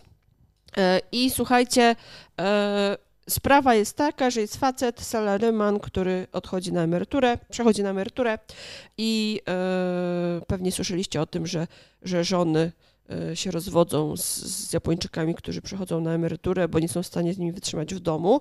Ci się kochali, nie rozwiedli się, ale też żona, e, żeby zapobiec ewentualnym kon, konfliktom, wysyłała na spacery tego swojego męża, żeby on chodził i coś porobił. No i on zaczyna łazić po okolicy i wpada do knajpy i stwierdza, że ma czas po pierwsze w ciągu dnia, albo nawet przed południem napić się piwa w ciągu dnia, po drugie, może próbować różnych wspaniałych rzeczy, a okazało się, że on rzeczywiście bardzo lubi się rozsmakowywać w rzeczach. No i e, każdy odcinek poświęcony jest trochę innej potrawie. Jest, jest odcinek o sushi, jest e, odcinek o, mm, o denie, jest odcinek o bento, czyli o tych zestawach w pudełkach. On specjalnie się zatrudnił jako, e, jako mm, e, taki, jak się nazywa osoba, która gra w filmie i robi tło?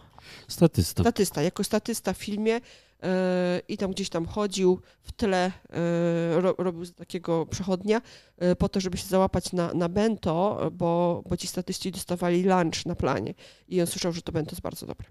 No, przepraszamy, że jesteście głodni. Jeszcze raz będę przepraszał, jeszcze pewnie ze trzy razy przeproszę dzisiaj. E, za pół godziny będziemy kończyć pewnie. E, dobra, ale sushi to wiadomo, mm, takie bardziej można powiedzieć wyjście na jedzenie, ale... Więc jak ktoś z dowozem chciałby coś zamówić, to pewnie teraz można, to za pół godziny przyjedzie. E, ale jakbyśmy chcieli pójść, e, słuchajcie, do e, bardziej takiego pubu, mm, gdzie można sobie wypić to piwo, niekoniecznie w ciągu dnia, ale na przykład wieczorem też, no to do tego piwa trzeba coś tam w Japonii zamówić. Piwo w Japonii jest dosyć cienkie, chociaż też coraz bardziej się rozwija e, kultura kraftów. Powoli, powoli, chociaż są pierońsko drogie w Japonii. Pierońsko drogie nad względem ja, naszych cen. Ja, ja, ci przerwę, miałem tego nie robić, ale komentarze są mega adek adekwatne. E, po pierwsze, Anna odnalazła ten film. Film się nazywał e, Życzenie. Tak, Kisek, tak, Kisek, tak, tak, Kiseki. Kiseki. E, więc to był ten film, w którym była Konina między innymi e, pokazywana, a z kolei Danuta napisała, że jeżeli chodzi o ten Samurai Gourmet, to restauracje, które odwiedza bohater istnieją naprawdę i można się wzorować na tym serialu pod kątem właśnie turystycznym. Tak, ale jest w ogóle cała strona gdzieś rozpisane. Te restauracje, niestety ja widziałam, że niektóre już są zamknięte, ale nie, nie, jeszcze przed pandemią były pozamykane. Natomiast ja mam ochotę pośledzić rzeczywiście go e, tymi, tymi, tymi jego szlakami, zwłaszcza e, no, mam taką mm, jedną e, knajpę z Odenem właśnie upatrzoną, bo dla mnie, ja Odenu e, w Japonii rzadko kiedy jem, bo na ogół żeśmy ten Oden widywali e, w kombini, gdzie mój znajomy Japończyk powiedział, że mam tego nie jeść, bo to tam godzinami, a czasem nad dniami się, się, się o Jezu, przepraszam, się tam nurza w tym sosie i że jak już mam jeść, to, to jak, albo u niego w domu, to on mi zrobi, albo pójść do jakiejś takiej lepsiejszej restauracji. No i właśnie Samurai Garment z żoną poszli do takiej lepsiejszej. Chyba było gdzieś w Omotesando, z tego co pamiętam. Ale będę to otrzykiwała. Niestety kilka restauracji już wiem, że, że nie przetrwały do tego czasu. Ale idziemy na piwo. Jest wieczór, idziemy na piwo, idziemy do Izakai. I słuchajcie, co to jest Izakaja, co tam, jak to wygląda, co tam się je? No to jest taki pub, e, a moja sensei e, pierwsza od japońskiego tłumaczyła to, że to jest pubo restauracja. Pubo polarnie restauracja. Tak, e, pubo polarnie restauracja. Wiele Izakai ma roz, rozbicie na palących, niepalących, ale były też takie, gdzie są tylko palące. Nie wiem, jak to teraz się, czy coś się zmieniło, ale jeszcze ostatnio jak byliśmy, to my byliśmy w szoku, że byliśmy w knajpie, gdzie ludzie palili, że tak od tego odzwyczailiśmy. To, to, to w ogóle nie do pomyślenia. A jak byłam pierwszy raz w Japonii, no to, mm, to, to, wtedy jeszcze to było dla mnie normalne, bo jeszcze w Polsce też dogorywały te, te obyczaje, ale potem przez lata się tak odzwyczailiśmy, że, że po prostu palić tam, gdzie się je, to straszne, no ale tam tak jest. No ale mniejsza z tym, e, gdzie e, najlepiej zobaczyć, e, na czym polega koncept Izakai, jeżeli chodzi o e, jeżeli chodzi o takie właśnie wieczorne biesiadowanie. No, słuchajcie, jest, jest serial, jest serial animowany, ale też, słuchajcie, jest serial nowinka z zeszłego roku w wersji aktorowej. Sekai Izakaya Nobu. Aktorski się Sekai, tak. A jak się powiedziałam? Aktorowej. Aha, okej. Okay. E, Isekai Izakaya Nobu e, to ogólnie historia bardzo fajna, e, bo oprócz tego, że można sobie popatrzeć, jak Japończycy jedzą i co jedzą, i, i to jedzenie wygląda bardzo realistycznie, to jeszcze jest fajna fabuła, bo mm, ta izakaya, ona teoretycznie znajduje się w Kyoto, ale przez drzwi można przejść do, do innego świata, do innego wymiaru, innego świata, innej krainy, e, takiej magicznej i, i stamtąd przychodzą też goście, więc można było w tej Izakai spotkać różnych, różnych dziwacznych gości, mniej więcej e, o to, o to chodziło.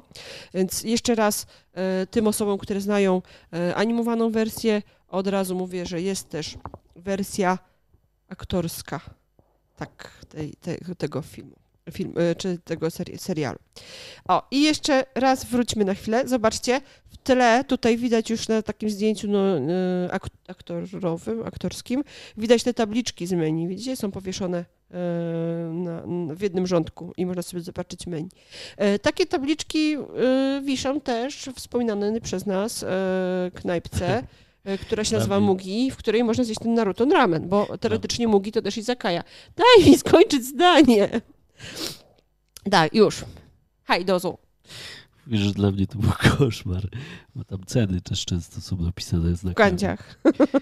A w tej restauracji Bugi y, czasami się zdarzają Japończycy i jak oni wybrnęli z tego, żeby polska obsługa wiedziała, y, co ma zaserwować, jak Japończyk wskaże na tą tabliczkę, poproszę to. Kore, o kore, o kore, tak? kore.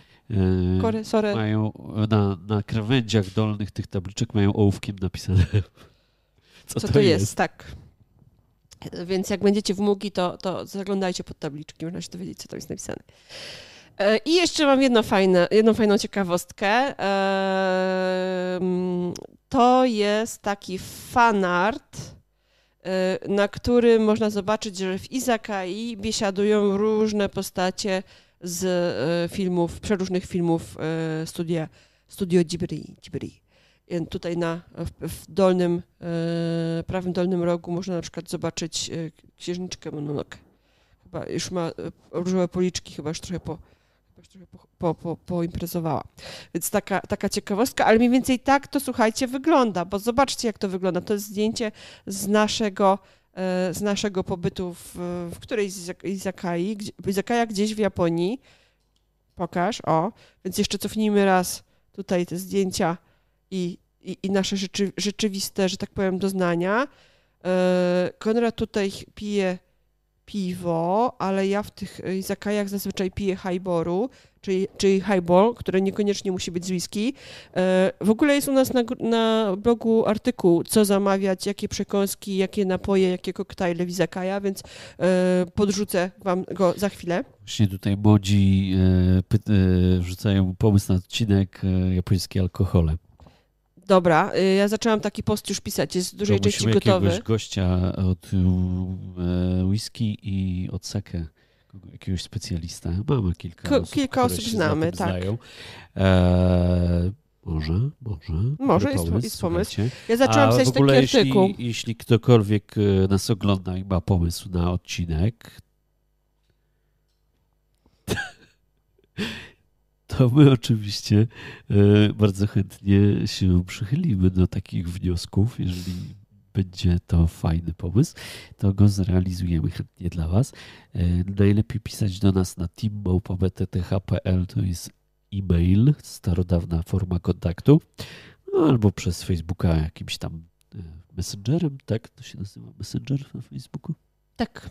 Konrad który, podobno dzisiaj, który podobno dzisiaj dogorywał, ale jak go już naprawią, to można do nas e, pisać i my wtedy bardzo chętnie Wasze pomysły wykorzystamy.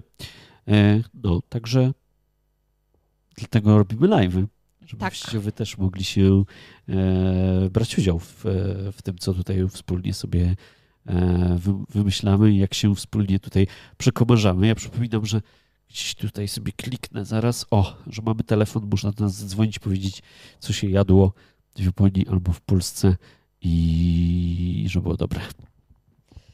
To taki Bo co się oglądało o jedzeniu. Już ci nie przeszkadza. To taki, taki, takich dobrości trochę za chwilę wam pokażę, takich smacz, smaczków. Yy, pierożki o rodowodzie chińskim, yy, ale zadomowiły się w Japonii bardzo, bardzo mocno. Mogą być serwowane yy, w różny sposób. E, albo właśnie na, na takim okrągłym, okrągłej patelni zapieczone, albo tutaj właśnie w, in, w innym miejscu w, szeregu ułożone, że tak powiem. I słuchajcie, o, tutaj pokazałam oba te warianty, bo e, jest taka strona Itadaki Mas Anime, wordpress.com e, i tam można sobie poczytać właśnie o różnych potrawach, które występują w różnych anime. Ja nie jestem aż taką specjalistką jak na przykład e, nasz Przemek, e, więc nie będę tutaj e, udawała, że znam Bóg wie ile anime i, tutaj trzepała, sypała z rękawa tytułami, ale na tej stronie naprawdę można sobie przeszperać. jeżeli coś gdzieś w jakimś filmie mm, zobaczyliście, w jakimś odcinku coś Was zainteresowało, to jest duża szansa, że, że znajdziecie właśnie odniesienia na tej stronie. I te takie mas anime wordpress.com. Bardzo fajna strona. I tutaj można zobaczyć właśnie gioza z, e, z anime i jeszcze raz pokażę naszą giozę dokładnie identyko w tych dwóch wariantach, w kółeczku i w szeregu. Giozę uwielbiam. Gioza jest przepyszna. Boż, to jest tak dobre. Gioza to też jest temat na odcinek o japońskich alkoholach, bo to jest najlepszy przyjaciel piwa. Oprócz edamamy. Oprócz edamamy. E, kolejnym przysmakiem takim, który z piwem bardzo dobrze wchodzi, to będą e, różne różności w tempurze. I tutaj też mamy e, zdjęcia z z, że tak powiem, animowane, rysowane i na dole nasze zdjęcie przepysznej tempury, którą jedliśmy bodajże w, w Nagasaki. Tak, w Nagasaki jedliśmy. Boże, jaka pyszna jest ta tempura, ale naprawdę, Konrad, nie przełączaj mi tak tych obrazków, bo jeszcze chcę do nich nawiązywać. Zobaczcie, zobaczcie, jak y, pięknie jest y, oddany ten charakter tej, tej chrupkiej, takiej y, rozwiniętej powierzchni, już mi przełączył, no, faktury tej temperatury, coś niesamowitego. No dobra, i dużo mówiliśmy na razie o różnych komiksach, filmach, serialach, ale ja tutaj bym chciała wreszcie nawiązać trochę do książek. I taką książką, którą dla mnie bardzo ważną jest, która e, na, na, sprawiła, że miałam ochotę na pewną, e, na pewną potrawę, bardzo dużą ochotę chciałam jej bardzo spróbować. To było, była książka e, Harukiego Murakamiego Norwegian Wood. Ja tu mam swój egzemplarz ukochany. Możesz, Konrad, pokazać mnie teraz. Mój ukochany egzemplarz, przepiękna, przepiękna okładka, słuchajcie, cudo, wydane przez muzę. E, bardzo, e, bardzo, cudo, bardzo piękne tłumaczenie. E, I słuchajcie, w tej książce mm, pod sam koniec jest taka scena, kiedy główny bohater spotyka się z taką mniej główną bohaterką, ale poboczną właściwie, ale, ale w pewien sposób istotną. I oni się spotykają i mm, ona bardzo długo przebywała w takim miejscu, nie chcę tutaj zdradzać fabuły, ale w odosobnieniu, że tak powiem, od, od y, mm, przyjemności takich smakowych y, gdzie nie mogła za bardzo jeść wszystkiego, co, co, co, na co miała ochotę, kilka lat jej nie było i, i, i wylazła stamtąd, z tego miejsca, nie chcę spoilerować, i ona przyjechała do niego i powiedziała, wiesz co, ja to bym tak zjadła sukiyaki. Boże, mam taką ochotę na sukiyaki. Tyle lat nie jadłam sukiyaki. Zjadłam sukiyaki. No i oni poszli do sklepu, kupili warzywa, kupili E, jakieś tam mięsko i zrobili sukiyaki i to było pisane, jak oni to smażą, jak oni to jedzą. I to dla mnie, ten opis był dla mnie tak apetyczny, mimo że w ogóle to trochę była smutna historia i smutna sytuacja i oni e, rozmawiali trochę o smutnych rzeczach, e, to po prostu miałam taką ochotę, słuchajcie, na sukiyaki. I teraz sukiyaki w Japonii jedliśmy bardzo różne. Najlepsze jadłam bez Konrada. Mm, właśnie w bardzo drogiej ponad stuletniej restauracji, też, też na zaproszenie e, takiego profesora e, dosyć ważnego. E, I, i, i to, było chyba, to był chyba najlepsze sukiyaki. Oni w ogóle słynęli z tego, że mieli oprócz warzyw dodawali też chyba gałązki, gałązki chryzantemy do tego jako warzywa. No to w ogóle bardzo dziwne było i oni słynęli też ze specjalnej zupy, którą się zalewało, zalewali te sukiyaki, mieli jakiś specjalny wywar. E, I inne sukiyaki tutaj, które Wam chcę pokazać, zobaczcie, jakie cudne mięso, marmurkowa wołowina, e, czyli wagyu. E, to jedliśmy w restauracji, która ogólnie się specjalizuje w fugu. I tam można było też zamówić albo nabę, albo My akurat chcieliśmy sukiyaki, ale pamiętam też, że było na bez fogu, więc e, naprawdę niesamowite e, tak zwane gorące ko kociołki albo dania jednogarnkowe. Tu akurat nie do końca kociołek, bo bardziej sukiyaki to bardziej patelnia, ale trochę podobny klimat. Słuchajcie, wspaniałe, wspaniałe danie i, i często można zobaczyć w różnych filmach i w różnych animacjach, jak całe grupy siedzą przy takich większych patelniach czy kociołkach i sobie razem to gotują. Widać, do zupki też piwo pasuje. Tak. Czego nie pasuje? Do czekolady do chyba tylko. Do czekolady bardzo nie pasuje. Oj fuj. Ble. Dlatego... A, nie będę o tym mówić. E, no dobrze, I, i, i może tak na szybko jeszcze, bo, bo, bo nie chcę tutaj ciągle wracać do tych restauracji. E, popatrzmy sobie, jakie przekąski E, na szybko, na ciepło e, pojawiają się często w, w popkulturze, jeżeli chodzi o te dostępne w kombinie. To właśnie jest ten oden, słuchajcie na zdjęciu, oden wielogodzinny, moczący się w wodzie różne takie kawałki, warzywa, mięska i one tam sobie, się, się, sobie siedzą w tej... Ta woda nie jest, nie jest jakaś gorąca, ona jest taka lekko ciepła i, i sobie siedzą. Kiedyś widziałam, jak Krzysiek Gąciarz nakręcił odcinek o tym Odenie i oni chłeptali z misek tą wodę i po prostu moje polscy znajomi, jak im to powiedziałam, to mało zawału nie dostali, bo oni powiedzieli, że nie. A potem robiłam ankietę wśród moich wielu, wielu, wielu japońskich znajomych i kilka osób powiedziało, że czasami, jak to jest bardzo, bardzo dobra restauracja, to chłepną sobie tej wody, ale nie. Jeśli chce pić, to woda. Ja już sobie przypomniałem historię odnośnie misek do moczenia rąk. To gdzieś też czytałem na jakiejś grupie japońskiej, że coraz więcej takich bardziej luksusowych restauracji e, zamiast czarczniczków daje miseczki. E, I ktoś się pytał, co to, jak się po japońsku nazywa ta woda taka cytrynowa, którą dają w miseczkach. E, bardzo ciekawe. No i go tam uświadomili, że to nie powinien tego pić. To do mycia rąk. Do mycia rąk, tak. Ale wiesz, że, wiesz, że identyczny te, te, y, motyw był w Janosiku? Jak Janosik e, z Pyzdrą, nie, e, kurde, z którymś tam poje, pojechali, udawali jakichś władców i oni gościli u tego księcia pana mm, i, i przyniesiono misę z wodą do mycia rąk i wypił. Tak samo. No dobrze, ale wróćmy może do kombini. W kombini, my osobiście w kombini często kupujemy takie zestawy bento, mm, różne, mniej lub bardziej wypasione, e, ale e, w kombini kupujemy też, słuchajcie, e, zupki błyskawiczne. Prawie powiedziałam zupki chińskie, ale nie, one są japońskie. Zupki błyskawiczne, zupki instant wymyślone przez Japończyków. Konrad uwielbia UFO. I właśnie tak, chciałam Wam pokazać.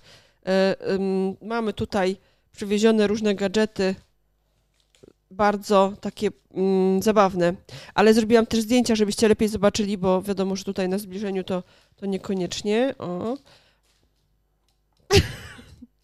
tak. Różne posypki, yy, czy tam właśnie instanty, Pokémon Noodle, a, mm, cała masa, słuchajcie, y, popkultury przenikła do jedzenia. Więc y, to nie jest tylko tak, że jedzenie się pojawia w popkulturze, ale jest też odwrotnie. Mamy popkulturę w jedzeniu i na przykład można sobie właśnie kupić takiego instanta, gdzie pojawią się małe y, narutomaki w kształcie z wzorkiem Pikachu. I to jest po prostu mega, mega. E, gdzie jeszcze przenikła popkultura E, wszędzie do napoi. Tutaj mamy e, automat z napojami i mamy napoje z Dragon Ballem albo z jakimiś innymi stworkami. Ja powiem szczerze, że dawałam się ponieść szałowi zakupowemu. Działały na, działało na mnie to, że jak była woda z Hello Kitty, albo napój z Hello Kitty, albo napój z Dragon Ballem, to ja brałam e, chętniej tą wodę droższą z ładną etykietką, bo sprawiało mi tą ogromną przyjemność. Jestem, jestem podatna na, tak, na tego typu e, advertising. Hello Kitty na, na napoju to oczywiście też jest advertising, czyli trochę to, o czym mówiliśmy w kocim odcinku. To jest temat na za dwa tygodnie czyli e, koci finał się będzie odcinek nazywał. A my nie e, mówiliśmy już o advertisingu w końcu? E, I trochę wspominaliśmy, no. ale jeszcze będziemy pokazywać różne przykłady. Także za dwa tygodnie, jak chcecie posłuchać o kotach, to zapraszamy. A i dziękuję za wszystkie suby, bo widzę, że w trakcie naszej audycji się ich parę pojawiło, e, więc zbliżamy się powoli do tego tysiąca. Ja, ja wrzucałam w ogóle na czacie link e, btth.tv, to jest ten YouTube. Nawet jeżeli nas oglądacie, słuchajcie, na, e, na Facebooku, to wejdźcie tam na tego YouTube'a. Na pewno macie konto na Gmailu, więc macie tam dostęp. O, zbliża się ktoś. Dzień dobry. Miał, miał. Zbliża się kocia zbliża się, zbliża się kocia inwazja. E, wejdźcie tam na tego YouTube'a i, i kliknijcie tam lajka, e, czy Konrad mówisz, to nie są lajki, chociaż też jest łapka w górę, tak? Łapka w górę i, i, i subskrybujcie nasz kanał, to będzie nam miło i e, będzie nam się bardziej chciało tworzyć kolejne filmy.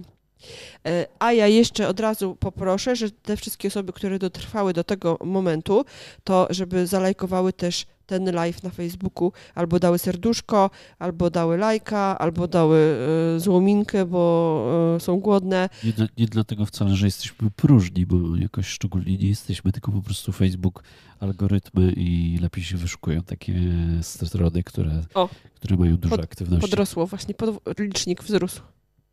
Dziękujemy. Dzięki.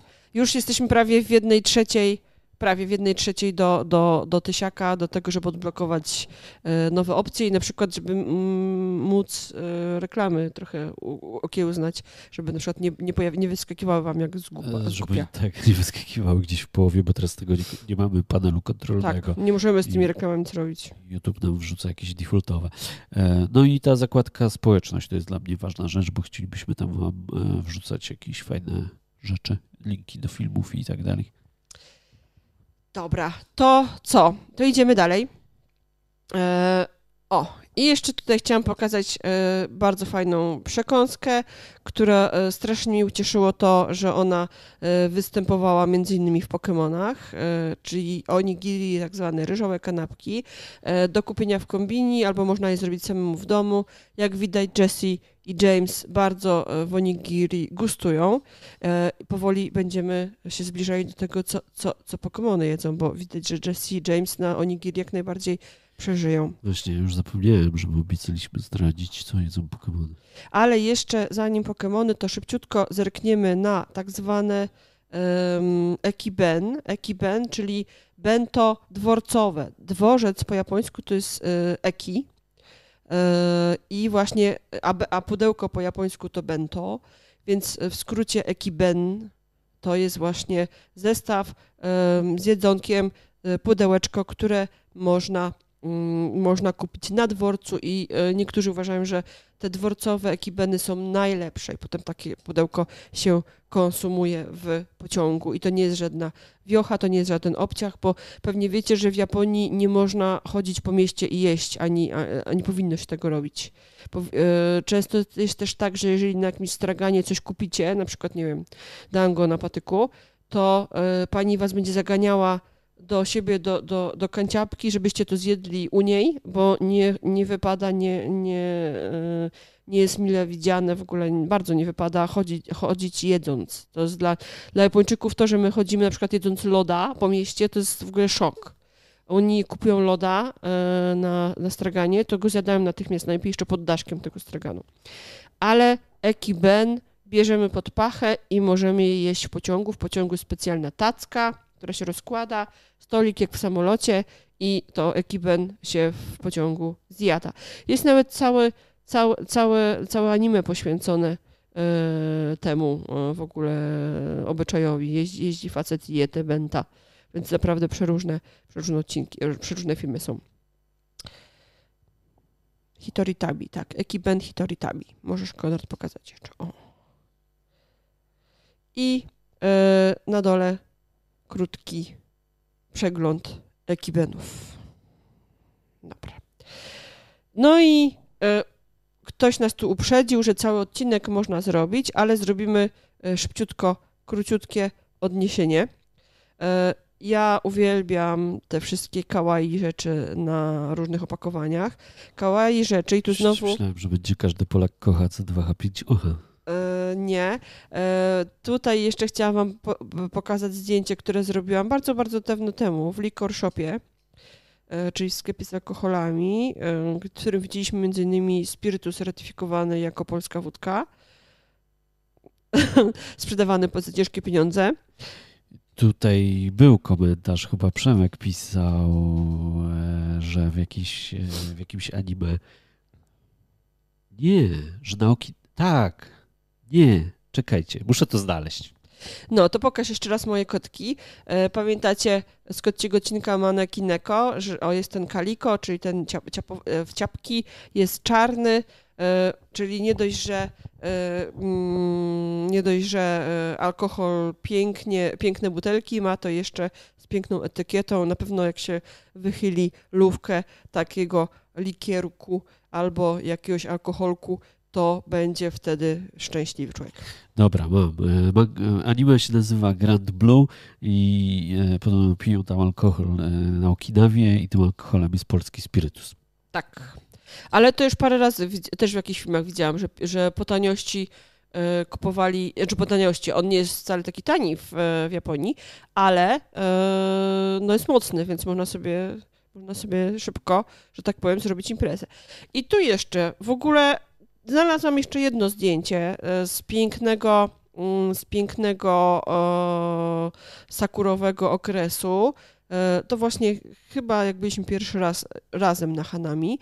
Piękne zdjęcie piwa Santori w puszce z sakurami i, i zdjęcie z baniakami whisky. I dlaczego ja o tym mówię? Bo oni także z alkoholu potrafią stanie, są w stanie zrobić jakąś atrakcję, coś, co, co trafia e, do, że tak powiem, kulturalnych prawie że doświadczeń.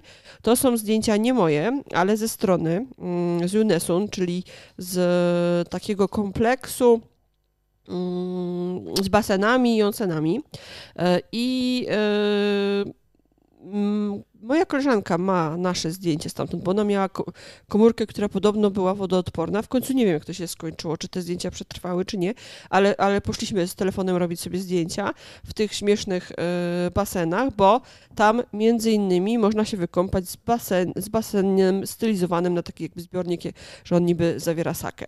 Ta, Oczywiście... komórka, ta komórka to każda podobno jest wodoodporna, tylko niektóre do pierwszego zanurzenia moja na przykład, którą w kajaku na Okinawie utopiłem. Tak, twoja, twoja, twoja się nie nadawała, ale, ale yy, Agnieszki komórka działała nawet po kilku zdjęciach, po kilku godzinach, ale muszę się do niej, do niej o te zdjęcia uśmiechnąć.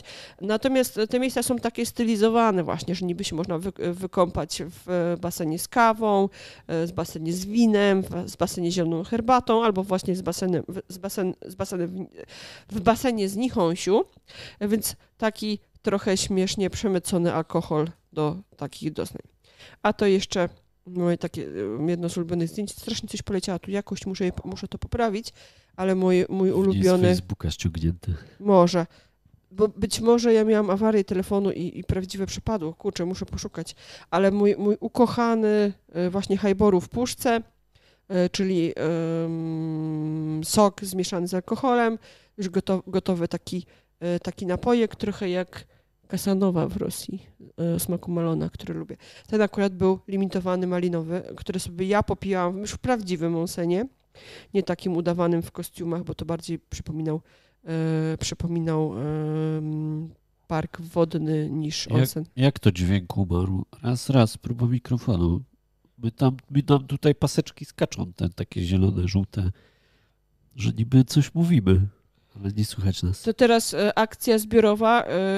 Ci, co nas słyszą, piszą, że słyszą. Ci, co nas słyszą, to subskrybują YouTube'a naszego. No dobrze, to y, może jeszcze. Podobno słychać. Także coś u ciebie, y, Danuta. Spróbuję odświeżyć stronę. Parę słów o, o, o jeszcze o takich przekąseczkach z street foodowych. Mm, ja tutaj wrzuciłam na szybko takojaki z Osaki. To się pięknie w ogóle e, rymuje, takojaki z Osaki. E, ale też wrzuciłam, słuchajcie, okonomiyaki nie z Osaki i nie z Hiroshimy, tylko okonomiyaki z Kyoto. E, I okonomiyaki, takoyaki bardzo często pojawiają się w anime. E, I, I, ludzie chcą je gotować i przygotowywać, i e, one, ob, mm, obie potrawy robi się bardzo, bardzo, bardzo łatwo. Tylko trzeba mieć składniki. No z, z takojakami zwłaszcza jest problem, bo taką fajną, świeżą ośmiornicę zdobyć to, no, no to nie do końca, ale okonomiyaki czyli y, to smażymy to, co lubimy, już można zrobić łatwiej. Zresztą u nas na blogu jest chyba nawet przepis. Pokaż jeszcze raz to moje, moje zdjęcie. Słuchajcie, to są słynne okonomiaki z Kyoto. One się mm, znajdują blisko, blisko rzeki, jak się już idzie w stronę, teraz YouTube nas stronę Gion. YouTube nas teraz zdemonetyzuje na pewno. Tak, i właśnie można trafić do tego miejsca, jak się zobaczy takie, zdję takie zdjęcie, że był sobie pan, który sobie kupił torbę okonomijaków i, i pies, go, pies go obnażył. To jest e, figurka, która się znajduje przed tym lokalem, gdybyście szukali. Są ciekawe te okonomiaki. E, okonomiaki w stylu Kyoto, zupełnie inne niż osakijskie, in, e, inne niż, niż te, które znamy z Hiroshimy, ale fajne i tutaj jako ciekawostkę to wrzuciłam. E, no i wszelkie, wszelkie smakołyki na patyku. Ja tutaj wrzuciłam też dango i w tym momencie właśnie przejdziemy e, już prawie do ostatniej sekcji, do sekcji słodyczy. E, słodycze w Japonii są niesamowite, natomiast chciałam tutaj zwrócić uwagę na, na film, przepraszam, serial, który jest dostępny między innymi na polskim Netflixie. Kantaro E, sprzedawca, czekaj, jak to było? Kantaro, sprzedawca, który uwielbiał słodycze? Taki jest chyba polski tytuł. E, po angielsku e, Sweet Tooth e, o gościu, chyba już o tym lekko wspominaliśmy, kochał sprzed... O, Konrad mi znalazł na... Tak. Kantaro, sprzedawca, który kochał słodycze. Znaczy uwielbiał, kochał, to po japońsku prawie to samo, jakoś tak trudno było. Ale słuchajcie, to też na podstawie mangi E, powstał film rewelacyjny. Po prostu Konrad nie był w stanie e, obejrzeć jednego odcinka nawet. Chyba po jednym odcinku wymiękł. Ja obejrzałam całość. Bawiłam się jak dziecko oglądając ten serial e, i teraz wam puszczę bez, bez dźwięku, będę sobie tutaj gadała, trailer Netflixa. Słuchajcie, przy, przy, też są prawdziwe miejsca opisane i też są, też można sobie śledzić te miejsca. I teraz o co chodzi? Powiem wam krótko o fabule. Facet E, informatyk, chyba kiedyś na którymś live o tym mówiliśmy, facet informatyk rzuca robotę i zatrudnia się w wydawnictwie. E, w wydawnictwie się zatrudnia i jeździ do różnych księgarni, żeby wcisnąć im kolejne tam sekcje książek do sprzedaży, żeby je umieścili na półkach i tak dalej. I on kocha słodycze, dlatego właśnie tą pracę sobie znalazł że podczas tych podróży służbowych, czy tam wycieczek po Tokio e, z tymi książkami, może się, że tak powiem, po, przemieszczać też pomiędzy różnymi, trafiać do różnych słynnych słodyczowni, e, czy to cukierni, czy to e, jakieś miejsce właśnie z, z dorajakami albo innymi ciasteczkami. I potem te miejsca opisuje na swoim blogu pod pseudonimem. Mm, on tam się nie, E, nie, nie, nie, nie przyznaje, że to on jest, no to anonimowo prowadzi, no bo zaraz by się ktoś dowiedział, że, że w godzinach pracy, że tak powiem, się e, takimi zajmuje rzeczami jak jedzenie słodyczy zamiast, zamiast e, praca i że nawet jeżeli on to szybko robi, bo on był super sprzedawcą, mm, po prostu tak się starał, żeby jak najwięcej czasu zaoszczędzić, żeby tak być skutecznym, żeby mieć czas na przerwę. I słuchajcie... A podpowiada, że to te, te, te, cukiernie też istnieją. Tak. Że też można, I nawet ten blog, który on prowadzi, istnieje. Tak, właśnie to chcę teraz pokazać. Jesteście po prostu genialni, bo możecie razem ze mną robić tą prezentację. To jest właśnie ten blog.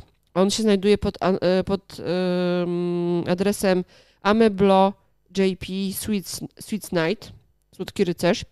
I słuchajcie, tam są opisane dokładnie, to są te posty, które on pisze w filmach i są zdjęcia tych potraw, które on, on jadł w filmach, więc y, po, znajdziecie tutaj to co, to, co on jadł. Ja naprawdę jestem zaskoczona, E, że tego tyle jest, e, to też podlinkujemy. E, Amai to znaczy, znaczy pyszny, słodki i, i to właśnie a, a, a, i to właśnie to, co on wy, wymyślił sobie jest Ama Buro, czyli burogu, blok, taki słodki blok, można powiedzieć. No super, po prostu e, wymyślili to niesamowicie, bo ogląda się serial i można sobie wygooglać tą stronę i można poczuć się tak, jakby to było e, no, w realu, prawda, jakby to się odbywało. To jest naprawdę świetna sprawa. I ja też zamierzam niektóre te cukiernie odwiedzić, bo bardzo mi się ten koncept, koncept spodobał. Zresztą ten koncept u Netflixa pojawił się już parę razy. Jak oglądaliśmy taki serial o Tajwanie, y, który odbywał się y, w, w konkretnej tam mm, knajpce, działo się dużo rzeczy, to też stworzyli profil na Facebooku dla tej knajpki, y, bo potem jak coś pokazywali, że na Facebooku pisali to, żeby ten profil był prawdziwy, więc, więc Netflix robi takie rzeczy. To jest naprawdę super. Dla mnie to jest wyjść, zupełnie nowy marketing, podejście do marketingu rewelacyjne. No i jeszcze jak jesteśmy o słodyczach, to muszę wspomnieć o tym filmie. Już mówiliśmy o nim milion razy. An, czyli y, Kwiat Wiśni i Czerwona Fasola, y, film y, Naomi Kawase o tym, jak babcia uczy pana robić genialną pastę z czerwonej fasoli do, do rajaków, ale o, też wspomina, wspominaliśmy w kocim live, że do rajaki uwielbiał Doraemon i właśnie tutaj można zobaczyć, jak owe dorajaki pochłania. I tutaj mam jeszcze trzy polecenia od e, Danusi z łagasi.pl. Ja tych filmów nie oglądałam, e, więc mogę tylko zaufać e, Danusi. A Danusi mogę zaufać, bo ona jest przecież specjalistką od słodyczy, więc jeżeli już coś poleca, to na pewno jest to coś re rewelacyjnego. Pierwszy, pierwszy serial, bo to są dramy, trzy, który Danusia uważa, że jest najlepszy, to jest Andonatsu. E, I jak sobie e, tutaj kliknę, zrobiłam sobie link do e, Drama List, takiego serwisu. Można zobaczyć, że ma dosyć wysoką opinię, 7,5 na 10. Danusia mówi, że, że ten film jest super, serial super. Można tutaj przeczytać, o czym jest fabuła.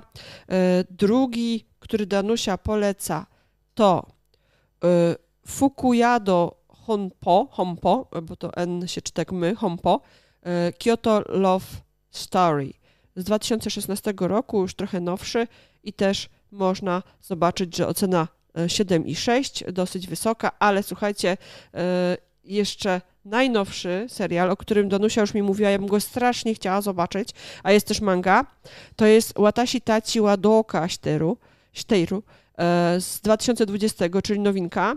I zobaczcie, 8,2. Mieć e, takie oceny w serwisie e, My Drama List to naprawdę jest nieźle. Tutaj z tego co pamiętam z opisów to jest rodzina, która się zajmuje robieniem słodyczy, mają sklep i i takie różne, e, róż, różne ciekawostki. E, przepięknie pokazane są e, wykonane różnego rodzaju łagasi, czyli japońskie słodycze. Więc te trzy tytuły poleca nam Danusia, specjalistka od japońskich słodyczy i ja Wam też je w takim razie podpowiadam. A na koniec coś zabawnego, fake food, czyli jedzenie z polimeru. Mm, przepiękne jajko. Dzisiaj jak robiłam E, omurajsu na śniadanie, to rzeczywiście faktycznie można powiedzieć, że to jajko jest podobne do jajka prawdziwego, ale słuchajcie... I tu, i tu też jest jakiś sklep znany w e, Tokio, jak sobie zagooglacie. Jest uliczka ze sklepami nawet, niektórzy tak. Niektórzy przywożą sobie te sztuczne jako, Jest ca cała uliczka, no. Jako pamiątkę. Tutaj parę, parę zdjęć e, z Osaki, z różnych sklepów, e, boże, restauracji, przepraszam, ich wytryny, można sobie obejrzeć, zobaczyć sobie ceny. E, to wszystko to są właśnie polimerowe smakołyki i teraz, e, żeby udowodnić, że to, to, co dostajemy jest naprawdę identyko, zdjęcie po prawej to zdjęcie plastikowego jedzenia, zdjęcie po lewej ryba fugu, ta, którą jedliśmy osobiście. Rzeczywiście to sashimi z fugu wygląda identyko, identyko. Stare zdjęcie, ale wydaje mi się, że gust odnośnie koszulek mi się nie zmienił. Nie. Ale ta koszulka chyba już ledwo żyje. I jeszcze tutaj e, nigiri z fugu. No i to by było na tyle. Ja jeszcze mam dla Was przygotowaną taką ciekawostkę. Mm, parę zdjęć z gry Cyberpunk 2077, zrzutów tak naprawdę, bo e, jeżeli ktoś. Prośba jest o te linki do tych dram. Oczywiście za każdym razem, słuchajcie, jak robimy live'a, to potem u nas na blogu pojawia się artykuł, gdzie jest link do nagrania i gdzie wszystkie omawiane linki się pojawiają, się, tak.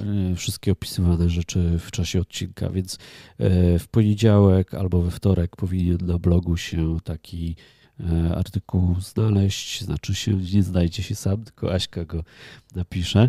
E, btth.pl ukośnik live i tam są wszystkie te live'y właśnie opisane i ładnie pokategoryzowane z tymi wszystkimi linkami, które są wykorzystywane w odcinku.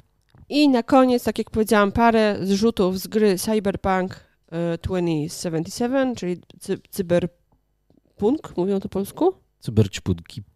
E, czyli tej najno, najnowszej gry e, CD Projekt Red i można zobaczyć właśnie smakołyki, które tam e, gracze tak, w Japantown jedzą. To są te słynne jaki teorii, tak. które tak. Japończyk z skwitował tylko obrzydzeniem. Jak wy, jak wy możecie to jeść?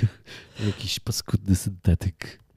No, tutaj mamy knajpę. E, ona, była, ona się znajdowała pod domem Wi, na parterze chyba, nie? Tak, tak. w megabloku. Można z, zobaczcie, tutaj ma, mają bułeczki na parze, Jakuma, jak, Nikuman.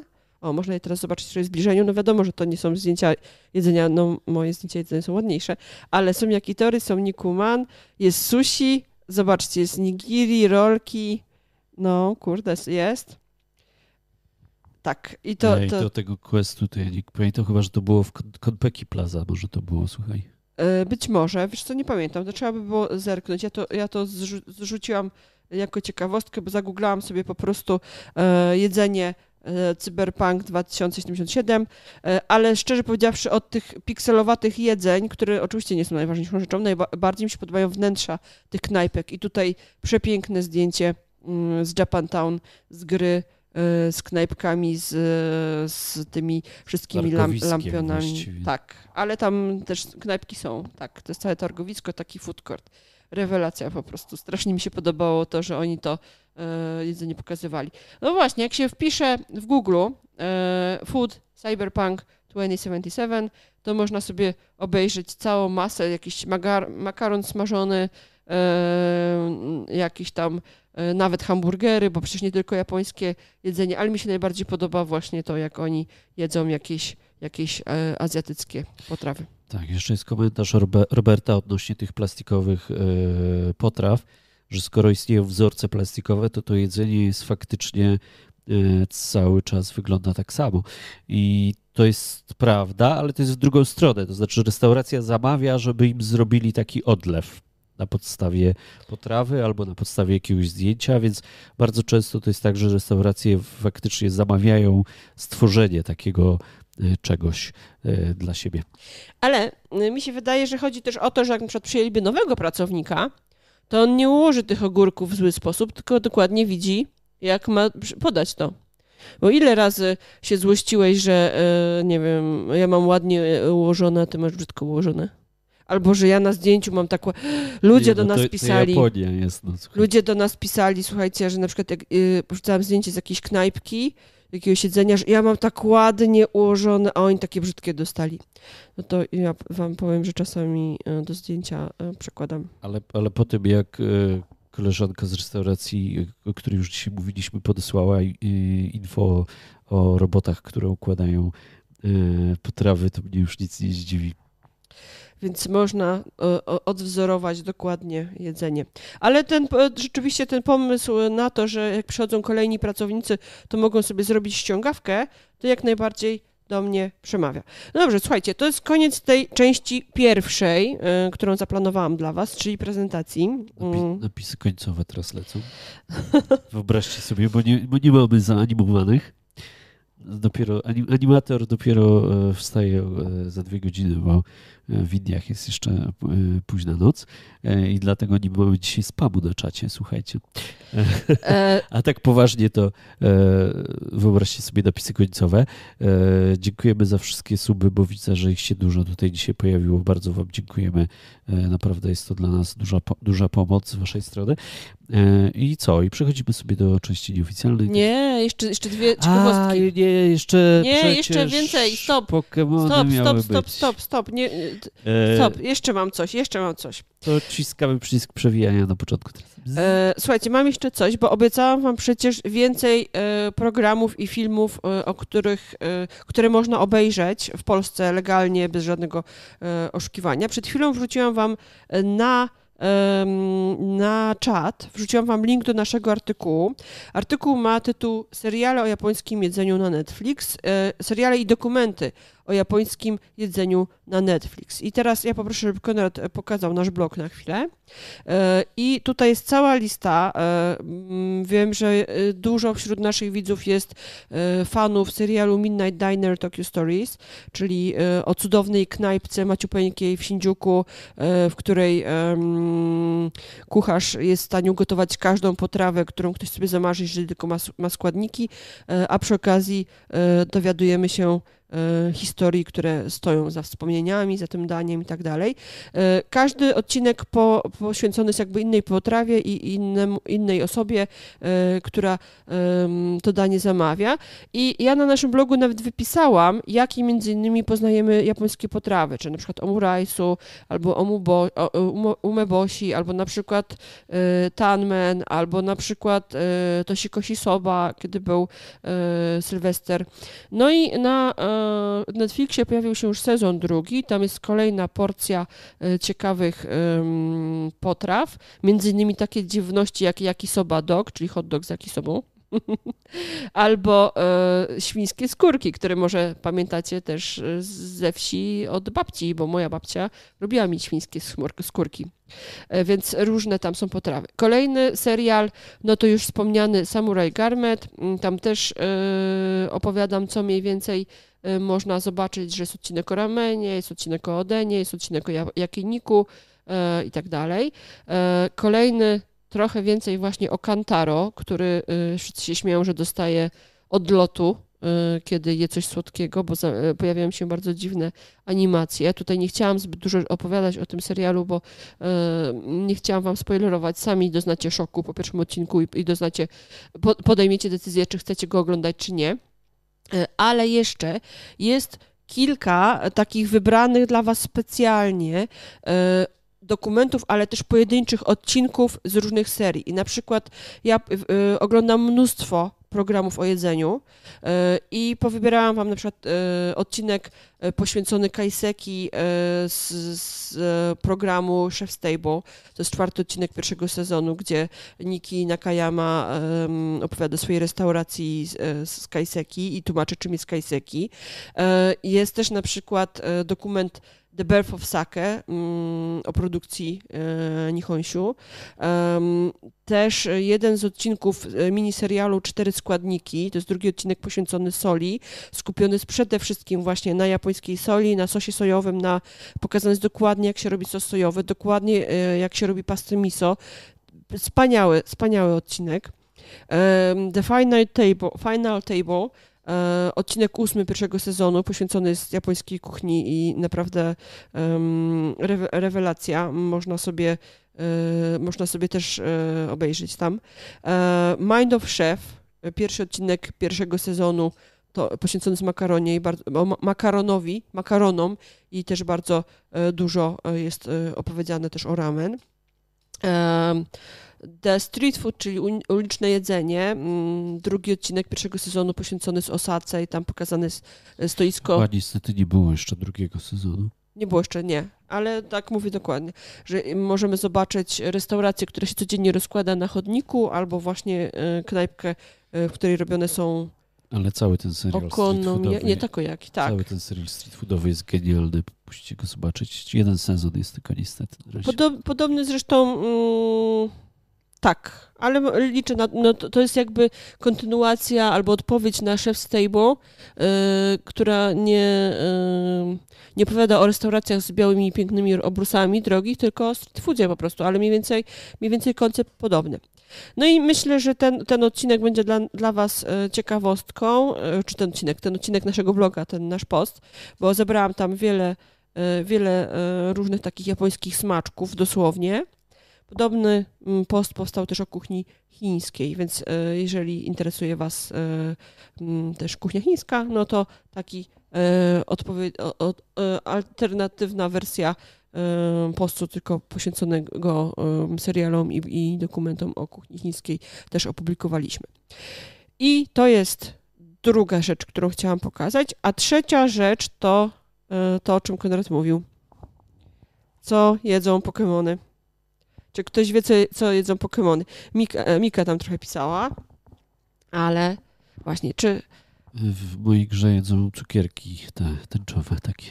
Nie, e, w twojej grze się karmi e, ananaskami, malinkami, raspberry. No przecież jak Buddy w realu wyskakuje, bo, bo, można zrobić tak, że Buddy w realu wyskakuje, na przykład Pikachu wyskakuje, to się w niego rzuca tymi to już jest zdecydowanie, słuchajcie, to o, część nieoficjalna.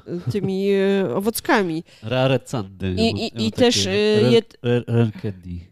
Ale to nie, no rare candy to jest, żeby go podbić, a karmisz go owockami. No, myślisz, że co on robi z tym rare candy? No, mm, myślisz? No dobrze, może. Ale jeszcze jest ten chlebek, taki pofin, pamiętasz? Pofin rzadko się dostaje. No i rzeczywiście pofin się pojawia też w serialu. Ale w serialu e, przede wszystkim, jak mi teraz Konrad przyłączysz na mój, e, mam taki fajny artykuł, też go wam podlinkuję, e, mamy mm, przypomnienie, że Pokémony jedzą specjalne jedzenie, które się im szykuje. Dla mnie to zawsze wyglądało jak karma dla psów, jak oglądałam te seriale. Na ogół właśnie szykował je Brock, a w mojej ulubionej serii, czyli Słońce i Księżyc, tej alolańskiej, no to ten profesor drugi przygotowuje to jedzenie. No, nie wiem, ale jakoś aż specjalnie się, jakoś specjalnie nie dba o te Pokémony. E, natomiast um, jest powiedziane, e, że w kilku odcinkach jest, są takie, pojawiają się informacje, że ludzie jedzą też Pokémony.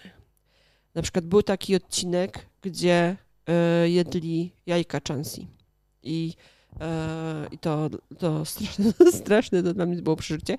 E, ale e, na przykład powszechne jest to, tutaj jest zresztą wspomniane, że piją mleko milk tanka, bo przecież nawet też chyba w tej elolańskiej sadze jest pokazane, że cała, cała ferma, mm, farma, jak są dojone milktanki i oni piją to mleko, ale jeszcze mm, też jest powiedziane, że Fairfetch e, dlatego tak rzadko się pojawia, mm, prawie wymarł, bo e, jest bardzo smaczny, bo to jest rodzaj dzikiej kaczki i zwłaszcza e, pieczona z porem wyśmienicie smakuje i właśnie z tego powodu Fairfetch praktycznie wyginął.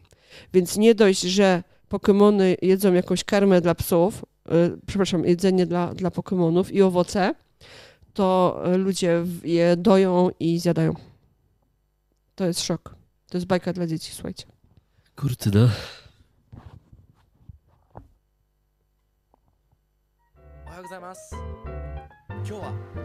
Czyli co? Yy, Fairfetch Python Ramen?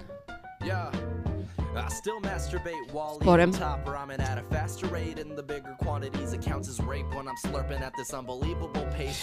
Zapisałem sobie trochę od Was komentarzy. Anna e, pytała na przykład, czym się różnią okonomijaki. Powiesz szybko? Ale różnią od czego? Między sobą? Od siebie, tak. W sensie e, okonomijaki na przykład Kansai i Osaka? Tak, to ja może szybko znajdę mój post żeby wam pokazać zdjęcia, chociaż nie, nie będzie tego dobrze widać. E, ogólnie e, sama nazwa okonomiyaki to ona się składa z dwóch członów. Okonomu, czyli lubić i jaki, jaku czasownik smażyć, czyli smażymy to, co lubimy. I teoretycznie możemy do okonomiyaków dodać praktycznie wszystko, chociaż oczywiście głównym takim składnikiem, którego nie może zabraknąć jest kapusta. E, kapustę szatkujemy drobniutko albo mniej drobno. Mm, mieszamy z jajkiem, mieszamy e, z odrobiną mąki, e, tam jeszcze cała masa składników może być.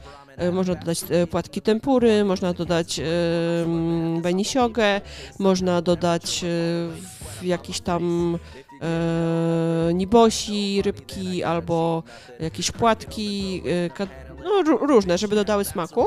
E, I dodatkowo też można dodać różne mięska, na przykład jakąś e, płatki boczku, paski, boże, płatki, płatki boczku, plastry boczku, tfu, plastry boczku, krewetki i tak dalej.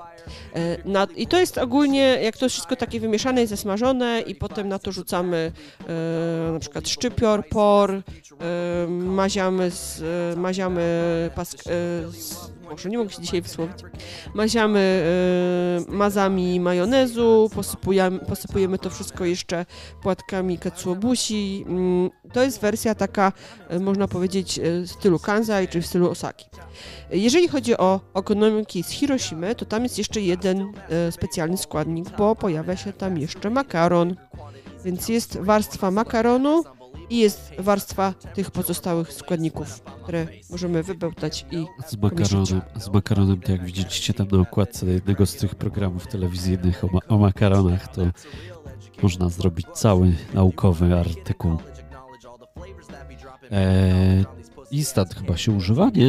Nie, nie jestem pewien, jakiego rodzaju makaron jest. W, taki w, trochę podobny do instantu, Ale taki tak. chyba, jeżeli nie jest to instant, to produkuje się go podobnie do instant, czyli przesmaża się, bo ten, który jest instant, to jest przesmażany i dehy, dehydratyzowany. O, znalazłam zdjęcie nasze. Ekonomiaki w stylu Hiroshima. Ciekawe, czy będzie tam widać ten makaron. O Jezu, ale mieli. Tak, wygląda, zobaczcie tutaj, wystaje taka warstwa makaronu tu. jeszcze taki przypieczony, tak, chrupiący. Tak, przypieczony, chrupiący. Tutaj wyraźnie widać, że jest z makaronem. Mhm. A góra jest, może być podobna. No, a Sandra napisała, że na YouTubie dobrze słychać. Na YouTubie, słuchajcie, wyjątkowo dobrze słychać. Jest wyjątkowo dobrze na YouTubie. Chcesz zdradzić? Nie no, dlatego zapraszamy na YouTube. A, tak, musicie, musicie porównać. Jak, czy, czy lepiej jak dobrze słychać, to łapkę, łapkę w górę.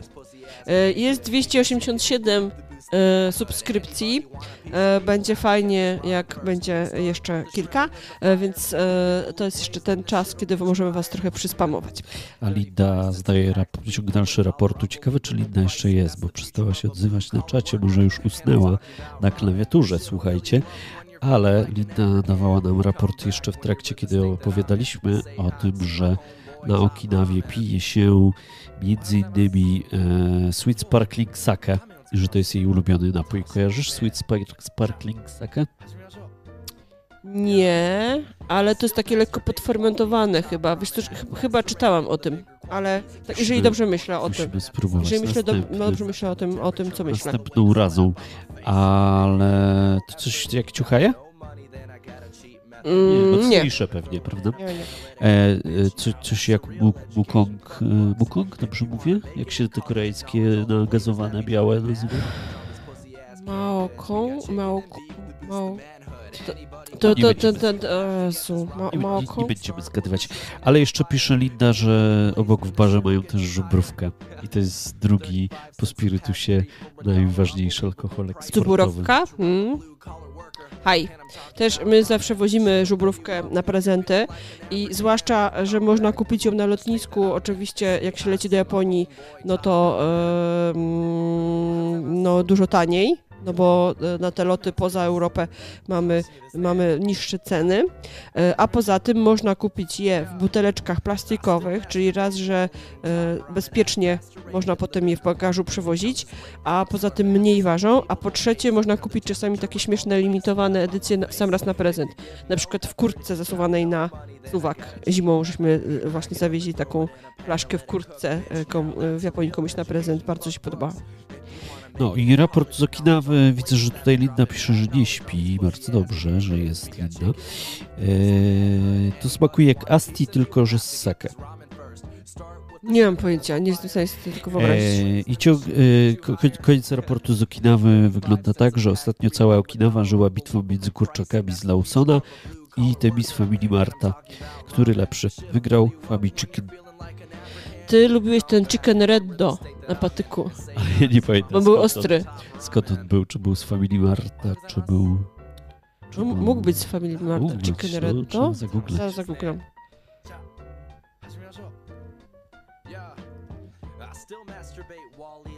Family Chicken. Family Chicken. Dobra grafika, słuchajcie. Słuchajcie.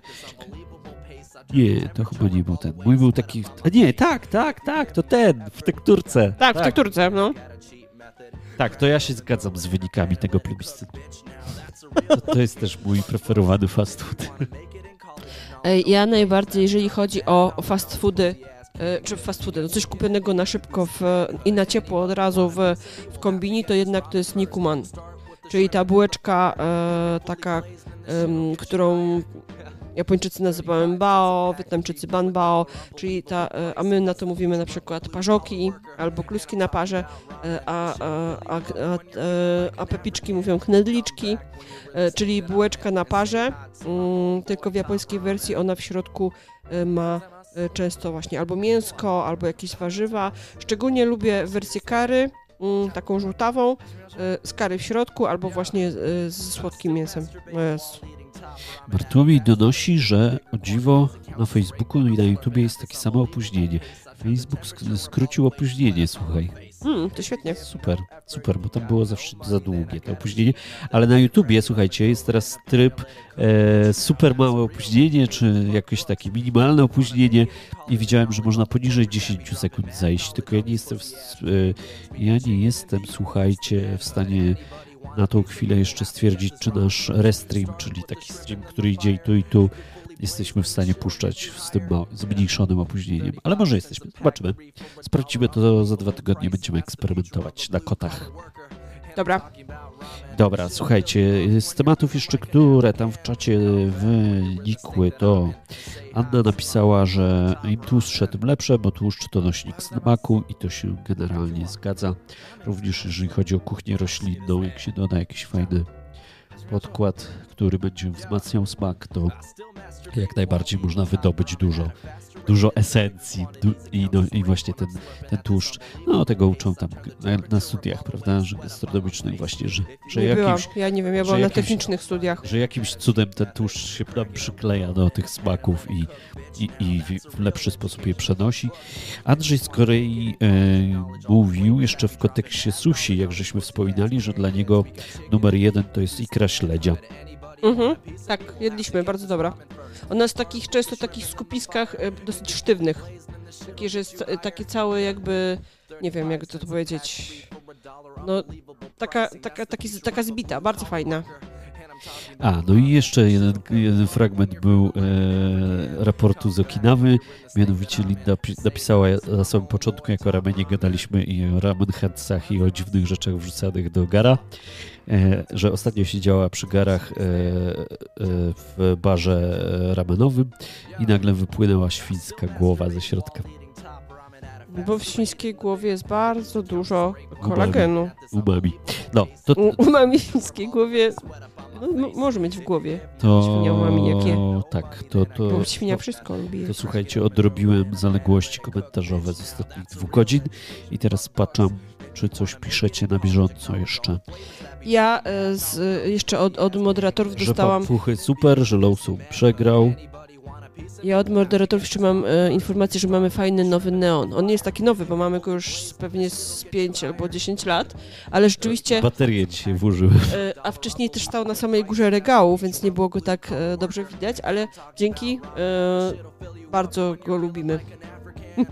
A słyszeliśmy też, że lubicie, jak się nam zmienia coś w tle na tym regale, więc coś tam dokładamy. Na przykład dzisiaj jest rybka, e, rozdymka tutaj, o, Załaśku. To jest, słuchajcie, pocztówka. Można taką żelową rybkę yy, wysłać z Japonii. Też ją kupiliśmy. Kupiliśmy w tym samym sklepie, co moje kolczyki. Ja nie wiem, co dzisiaj z tym Bepu. E, w Bepu jedliśmy e, sushi z Shinkansena, z Bepu mam kolczyki i z Bepu jest ta rybka. Tak, Bepu. Jedno z moich ulubionych miejsc Japonii. Z ciekawostek mogę jeszcze Cik. Zaraz wam coś pokażę. Dziękujemy Andrzej i dziękujemy Linda. Linda pisze, że u niej jest 5.13 i że pora, pora spać. Dobrze, że jutro jest niedziela. Chociaż na Okinawie to tak ludzie chyba żyją całkiem zrelaksowani i powoli. E, pamiętam, że jak byliśmy tam ostatni raz, e, to nie zdążyliśmy z promu na autobus, który miał nas zabrać na jakąś tam plażę, na której zresztą utopiłem swój telefon i e, poprosiliśmy o pomoc tam pana, który wypożyczał chyba rowery, kajaki, różne sprzęty wodne. Ogólnie motory, ale my nie umiemy jeździć motory, na motorze. Tak? samochody. Ale chyba też miał jakieś sprzęty wodne i on powiedział, że a tutaj z promu to już wszyscy pojechali, to on i tak nie ma co robić, to nas zabierze i i woził nas swoim vanem i nam opowiadał, jak to życie sobie powoli płynie. To było na Tokasiki. Chilloutowo na. Na wyspie Tokasiki. A był, tak, a był takim, hippie, był takim Japońcem hippie, słuchajcie. Nie, on był rastamanem. Rastamanem japońskim. Miał. Więc miał japońską totalnie twarz urodę i miał włosy e, w dredach. za ramiona w dredach. No, fajny był. No Tokasiki to było, pamiętam. A na Tokasiki piliśmy bardzo... Jezu, ja w ogóle zapomniałam dodać coś do prezentacji. Dobra, otwieram to. Słuchajcie, e, nie wiem jak wy, ale myślę, że wy też. Czy wy też robicie zdjęcia dziwnych japońskich napojków, jak jesteście w Japonii? Czyli na przykład e, zdjęcia puszek e, tych różnych, no z Hello Kitty to wiadomo, nie? Czy tam z Dragon Ballem, ale różne, różne dziwne napoje, bo ja na, na Facebooku miałam taki cały katalog dziwne napojki z Japonii. I to naprawdę, zaraz zobaczę, czy to teraz szybko znajdę, ale to dla mnie było dla mnie jest fascynujące. E, to, to jak właśnie te puszki się zmieniają i nie tylko e, na sakury, ale Szybko pokaż wszystko. Po prostu uwielbiam te, uwielbiam te puszki. E, ja czasami, jak jesteśmy w podróży, wrzucam zdjęcia z iPhone'a, to one lądują w różnych katalogach. Czasami jako zdjęcia z telefonu, czasami jako zdjęcia na osi czasu. O, mam. Anna Okinawa koniecznie, koniecznie. I tam można już od lutego chyba jest ciepło, nie? I wieloryby wtedy widać. Jak byłam w lutym, to było um, w nocy było 18-19, a w ciągu dnia 22-25 stopni. I jak najszybciej uciekać z Nacha, bo jest mnóstwo fajniejszych rzeczy do zobaczenia. Ja bardzo, lubię, bardzo lubię Nacha. Mimo wszystko jakoś tak czuję się tam, jakbym była... No tam jest, tam jest mekka kulinarna właśnie, jeżeli chcecie popróbować różnych fajnych specjałów, to oczywiście Nacha, no ale to duże betonowe miasto i naprawdę przeurocze są te małe wysepki na Okinawie. Oczywiście, że wysepki na Okinawie są przepiękne. My mamy live'a w ogóle o Okinawie, możemy was też zaprosić na niego. Nie gdzieś... mi się on nie podobał. Ale jest. Chętnie Jakby ktoś chciał jeszcze raz. Jakby ktoś chciał z was posłuchać, co uważamy o Okinawie, to ja się wtedy bardzo, bardzo kiepsko nasze czułam. Live'y, nasze archiwum live'ów. Bardzo kiepsko czułam i, i, on taki smutny trochę ten live. Ja go jeszcze raz nagra. Dobra, mam słuchajcie katalog z napojkami e, z, z Japonii, w tym dużo jest alkoholu, więc nie, nie, nie martwcie się. Czyli jest na przykład e, ciuchaj e, z, mm, z marakują, coś fantastycznego. E, jest też ciuchaj z różnymi owocami, a to jest w ogóle ten strąg, niektórzy naprawdę uwielbiają strągi. Mój, mój ulubiony, słuchajcie, to jest mój ulubiony napój ty, typ, typu soda ta biała, e, czyli white'o, white'a soda. E, od Santori, to jest e, Pop White Soda. Słuchajcie, jak gdzieś traficie na ten napój, uwielbiam go. W ogóle on wygrywa dla mnie z Kalpisem po prostu na cał... całkowicie, po prostu de deklasuje Kalpisa. Wiem, że ludzie kochają Talpis, Kalpisa. E, Pop Santori jest lepsza, moim zdaniem. Strong Zero o smaku liczy. E, I tutaj e, w ogóle dla tych, co nie znają strągów, to, to zero nie dotyczy wcale alkoholu, tylko no dotyczy kalorii. Tak w sensie, że nie są dosładzane, ale całkiem nieźle A jak ktoś, jak ktoś, 8% jak ktoś alkoholu. wie, do czego dotyczy minus 196 stopni Celsjusza, to bardzo chętnie się dowiem. O, to jest bardzo fajny napój e, z liczy ale lekko słony, z solą. Mm, czyli zresztą tu jest napisane. Więc może znaczy, bardzo fajny, bardzo dobrze gasi pragnienie. Taki trochę w stylu właśnie smaczniejszy i bardziej naturalny napój izotoniczny. O, tutaj mówiliśmy o e, szacie jesiennej. Już są liście klonu czerwieniujące, są liście ginko i herbatka. A co to było? To piwo ale. Słuchajcie, no w ogóle o tym zapomniałam, że oni mieli ale'a, e, ale koncerniaka, czy naprawdę to jest chyba z ostatniego wyjazdu, ono się trochę zmienia. A tutaj e, Grand Kirin Deep Hop IPL, e, IPL, czyli też takie lepsze trochę piwo. A tutaj zobaczcie piwo Santori, dokładnie to samo e, pszeniczne piwo. E, ja nie lubię tych piw które mm, pokazywałam dzisiaj na prezentacji z kwiatami sakury, ale tutaj w wersji Hanabi, czyli na, e, na um, Hanabi, czyli sztuczne ognie. I wersja też jesienna, kolejny, kolejny alko, kolejne jesienne, bo to akurat zdjęcia chyba były z, tej samej, z tego samego okresu. A tu się Konrad cieszył, że znalazł orężynę. A, to są. E, właśnie, my zawsze szukamy ciekawych smaków po całym świecie fanty, e, więc e, takich różnych poszukujemy. A tu była fanta z dodatkową wzmocniona witaminą C i dietetyczna cola lemon, ale to Akurat z tą witaminą C to akurat wiem o co chodzi, słuchajcie, i mogę wam powiedzieć, jakbyście nie wiedzieli, to chodzi o to, że jak jest upał, to się z potem tej, tę witaminę bardzo szybko wypaca. I żeby nie mieć niedomorów, to właśnie te napoje chłodzące również zawierają dużą dawkę witaminy C, żeby uzupełniać, a w Japonii, jak wiemy, lato bywa naprawdę upalne. Widzicie, mam tutaj już kocią inwazję, więc nie muszę czekać do, za dwa tygodnie. A tu zero kalorii, e, o smaku białej brzoskwini Momo. O Jezu, to było pyszne. O, to był ciuchaj, e, e, to hororoi, czyli przyjemnie, lekko stawiony, tak się to mniej tłumaczy, o smaku iced tea. Bardzo fajny. A tu moje ulubione napo napojki, e, w sensie jeżeli chodzi o opakowania. Po prostu te, te kół są śliczne. To, to są zwykłe soki oczywiście. Zresztą widać, że sygnowane Minute Maid, ale po prostu mają cudowne opakowanie i one mają też na korkach te zwierzątka. O, są. No i kolejne, kolejne pyszności. O, znowu moja ulubiona soda. E, ta soda, ją trzeba szukać w automatach Santori. E, mm, widywaliśmy ją już od samego marca w Kyoto e, i ogólnie ona się pojawia bardziej latem. Nie, nie, nie, nie wiosną i latem, no jeszcze tam powiedzmy trochę jesienią, a zimą jej nie ma niestety. A tu Fanta o smaku mleczno, mleczno-melonowym. O, i tu kolejne napojki. Koloroj uwielbiam. No i kawa. To jest taka europejska kawa. Oczywiście niektóre, niektóre są całkiem niezłe.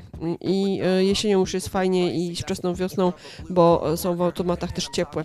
W, w ciągu lata większość jest jednak zimna. A tutaj e, wodór, wodór wpłynie.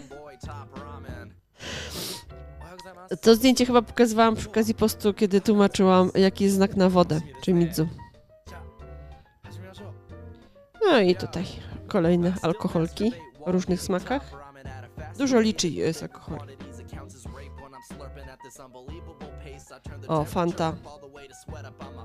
Truskawkowa. Nie, Boże, co ja gadam? Sójka, czyli yy, arbuzowa. I cedr jabłkowe. A zwróćcie uwagę, że w ogóle one mają taką puszkę, e, to nie jest żaden nadrukowany wzorek, tylko ona faktycznie ma wytłoczenia w taką, takie origami trochę. Low poly to się nazywa. Jak ktoś gra w Minecrafta albo w jakieś gry właśnie retro, to jest, e, jak się nazywała ta gra e, cyberpunkowa, w którą ja grałem? Ta, co ja walczyłam co w, w Shinjuku? Nie, co w Berlinie był dziennikarz i jego alterego. Ojejku. wirtualnym świecie. Nic, nic nie, pamiętam, ale... ale... pewnie wy wiecie, zaraz mi powiecie, jaka to była gra. O! Ona też była low poly. Orion. Piwo średnie, ale z wizerunkiem kwiatu wyspy, czyli z Okinały. Uwielbiam ten, uwielbiam motyw e, hibiskusów. A tutaj y, byliśmy szczęśliwi, w Osace chyba dorwaliśmy. Y, to są piwa belgijskie, smakowe, czyli lambiki. State of Mind, ta gra się nazywała. I to jest ten alkohol. Pierwszy raz go wtedy widziałam z tym kwiatem sakury, potem go dopiero kupiliśmy. To pokazywałam wam na sakurowym live. Można też większą flachę, ale to jest ta malutka. Sam raz na, na gifcior. I znowu Fanta. Dobra, chyba czas jest, żebyśmy nakarmili koty.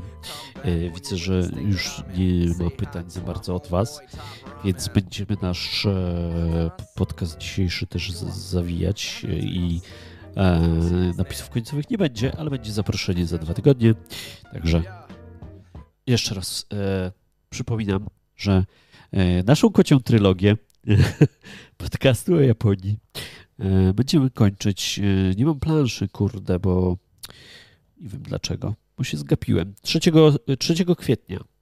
3 kwietnia, czyli prawie w prima aprilis, ale e, ponieważ już będzie po, to nie będzie żartów, tylko będą poważne rozmowy na temat wpływów kotów na mózgi Japończyków i, i tak naprawdę nas wszystkich.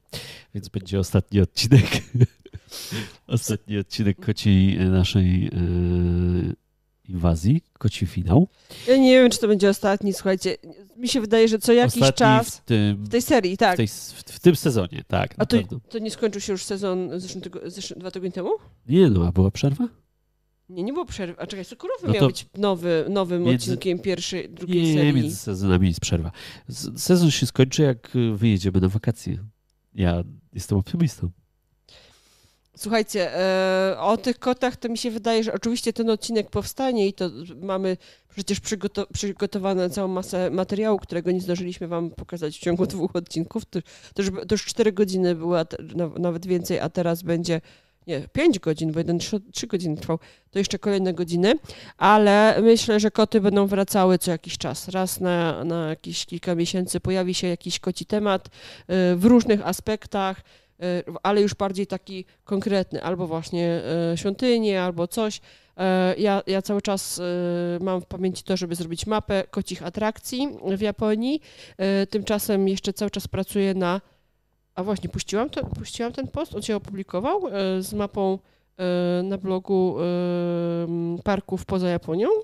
Nie. Zaraz patrzę. Nie, bo to tylko była pierwsza część z Sakurami ja w Japonii. Miałam opublikować następnego dnia i Jest, być może zapomniałam. Jeśli nie widzieliście jeszcze, to dwa tygodnie temu opowiadaliśmy o Sakurach i na blogu pojawił się wpis, gdzie w Japonii warto jechać na Sakury czyli takie kultowe miejsca i piękne miejsca, w których tych drzew kwietno, kwitnących wiśni jest Jest, jest opublikowany 19, 19 marca. Okay. Kwitnące sakury poza Japonią lista i mapa. I tą listę, słuchajcie, tworzyliście razem ze mną na naszej grupie Japonia budżetowo. Tanie podróżowanie, kultura, jedzenie, wszystko. E, I wiele tych podpowiedzi, zwłaszcza tych w Anglii, dostałam od Was, mm, od dziewczyn, które mieszkają lub mieszkały w Anglii, ale nie tylko Anglia, bo e, mapa jest podzielona. Mm, są wyszczególnione oczywiście wiśnie w Polsce.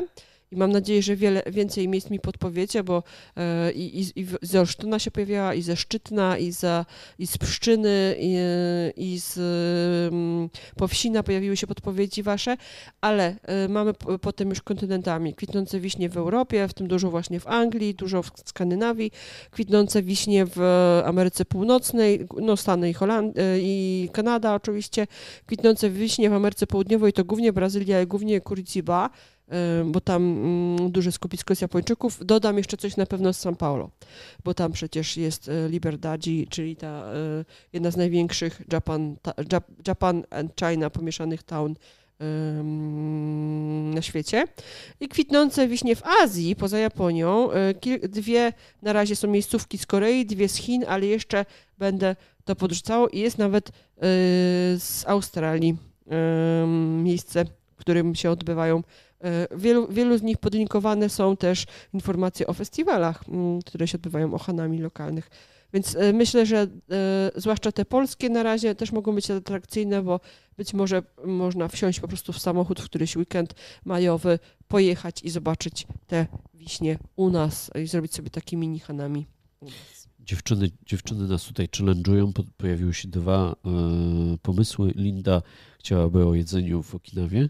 Dobra, to zapraszam Cię, Linda, do Będziesz współtworzenia. Eks ekspertem. I myślę, że poratujesz nas trochę też zdjęciami, bo my bardzo dużo rzeczy jemy po ciemku, bo to jest tak, że na Okinawie no to cały dzień zwiedzamy, zwiedzamy, zwiedzamy, a potem w nocy gdzieś na jetlagu idziemy jeść. I, często te zdjęcia nasze są robione po nocy, a nie chcemy po chamsku z flashem robić w knajpach, więc nie zawsze są ładne, więc ja Cię będę y, molestować, y, ja Cię będę prosiła o zdjęcia.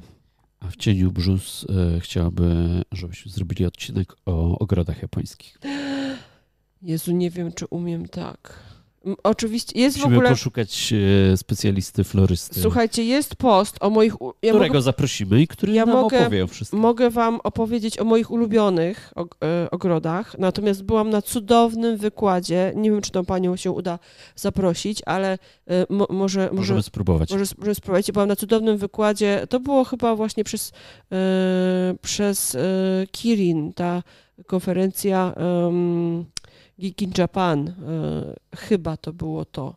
I ta pani tam występowała z wykładem.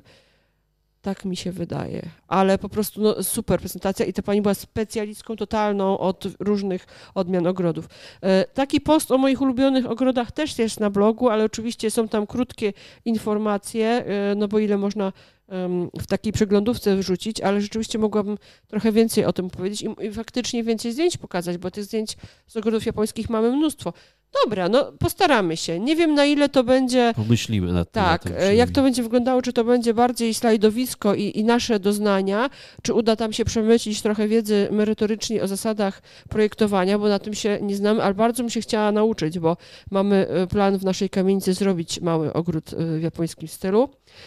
Nie tylko my, ale też z innymi mieszkańcami.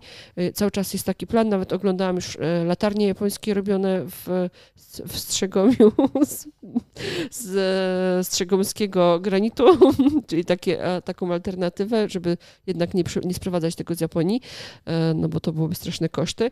E, chętnie bym się też douczyła, ale pomysł na ogrody jest. E, czy on będzie bardziej, tak jak mówię, podróżnicze nasze wrażenia, czy uda się tam zaprosić kogo, jakiegoś specjalistę, to, to się okaże, ale zapisujemy to. I o onsenach miało być. Miało być, tak. Więc mamy już plan przynajmniej na następny miesiąc. Słuchajcie. E, Następne dwa miesiące. No, albo i nawet dwa.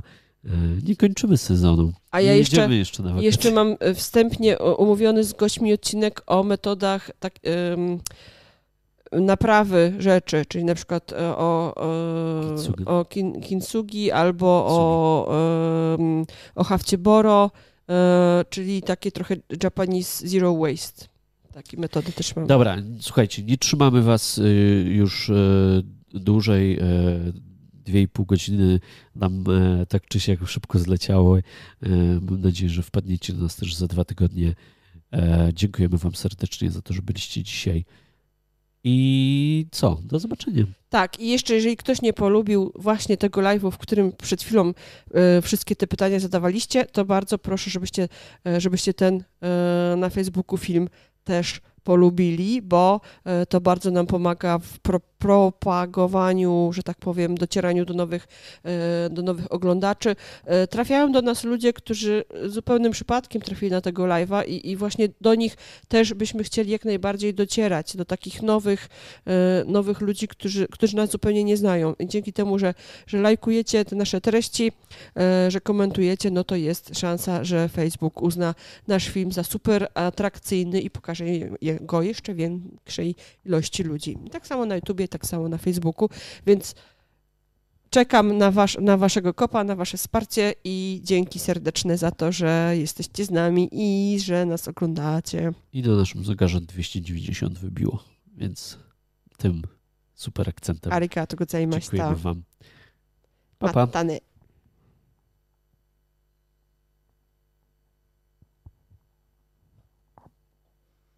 はようございます。今日はラーメンを作ります。楽しみですね。じゃあ始めましょう。いや I still masturbate while eating top ramen at a faster rate. and the bigger quantities, it counts as rape when I'm slurping at this unbelievable pace. I turn the temperature up all the way to sweat up on my face. If you give no effort, if you got no money, then I got a cheap method. Crack it open, throw it in a pan, and let it cook, bitch. Now that's a real education. Fuck books. If you wanna make it in college, acknowledge all the flavors that be dropping mad knowledge on these pussy ass canned goods. We got chicken and beef to boost the manhood. Anybody want a piece of me? We'll have to get this ramen first. Start with the shrimp and then the fire. If you're fully blazed, then the shit'll get you higher. 35 cents a pack, three for a dollar. Unbelievable pricing. That's the future of a blue collar worker. And I'm talking about ramen. The shit'll fill you up when you're feeling like an African. Come back when you're in the state that I'm in and say hi to my homeboy, Top Ramen.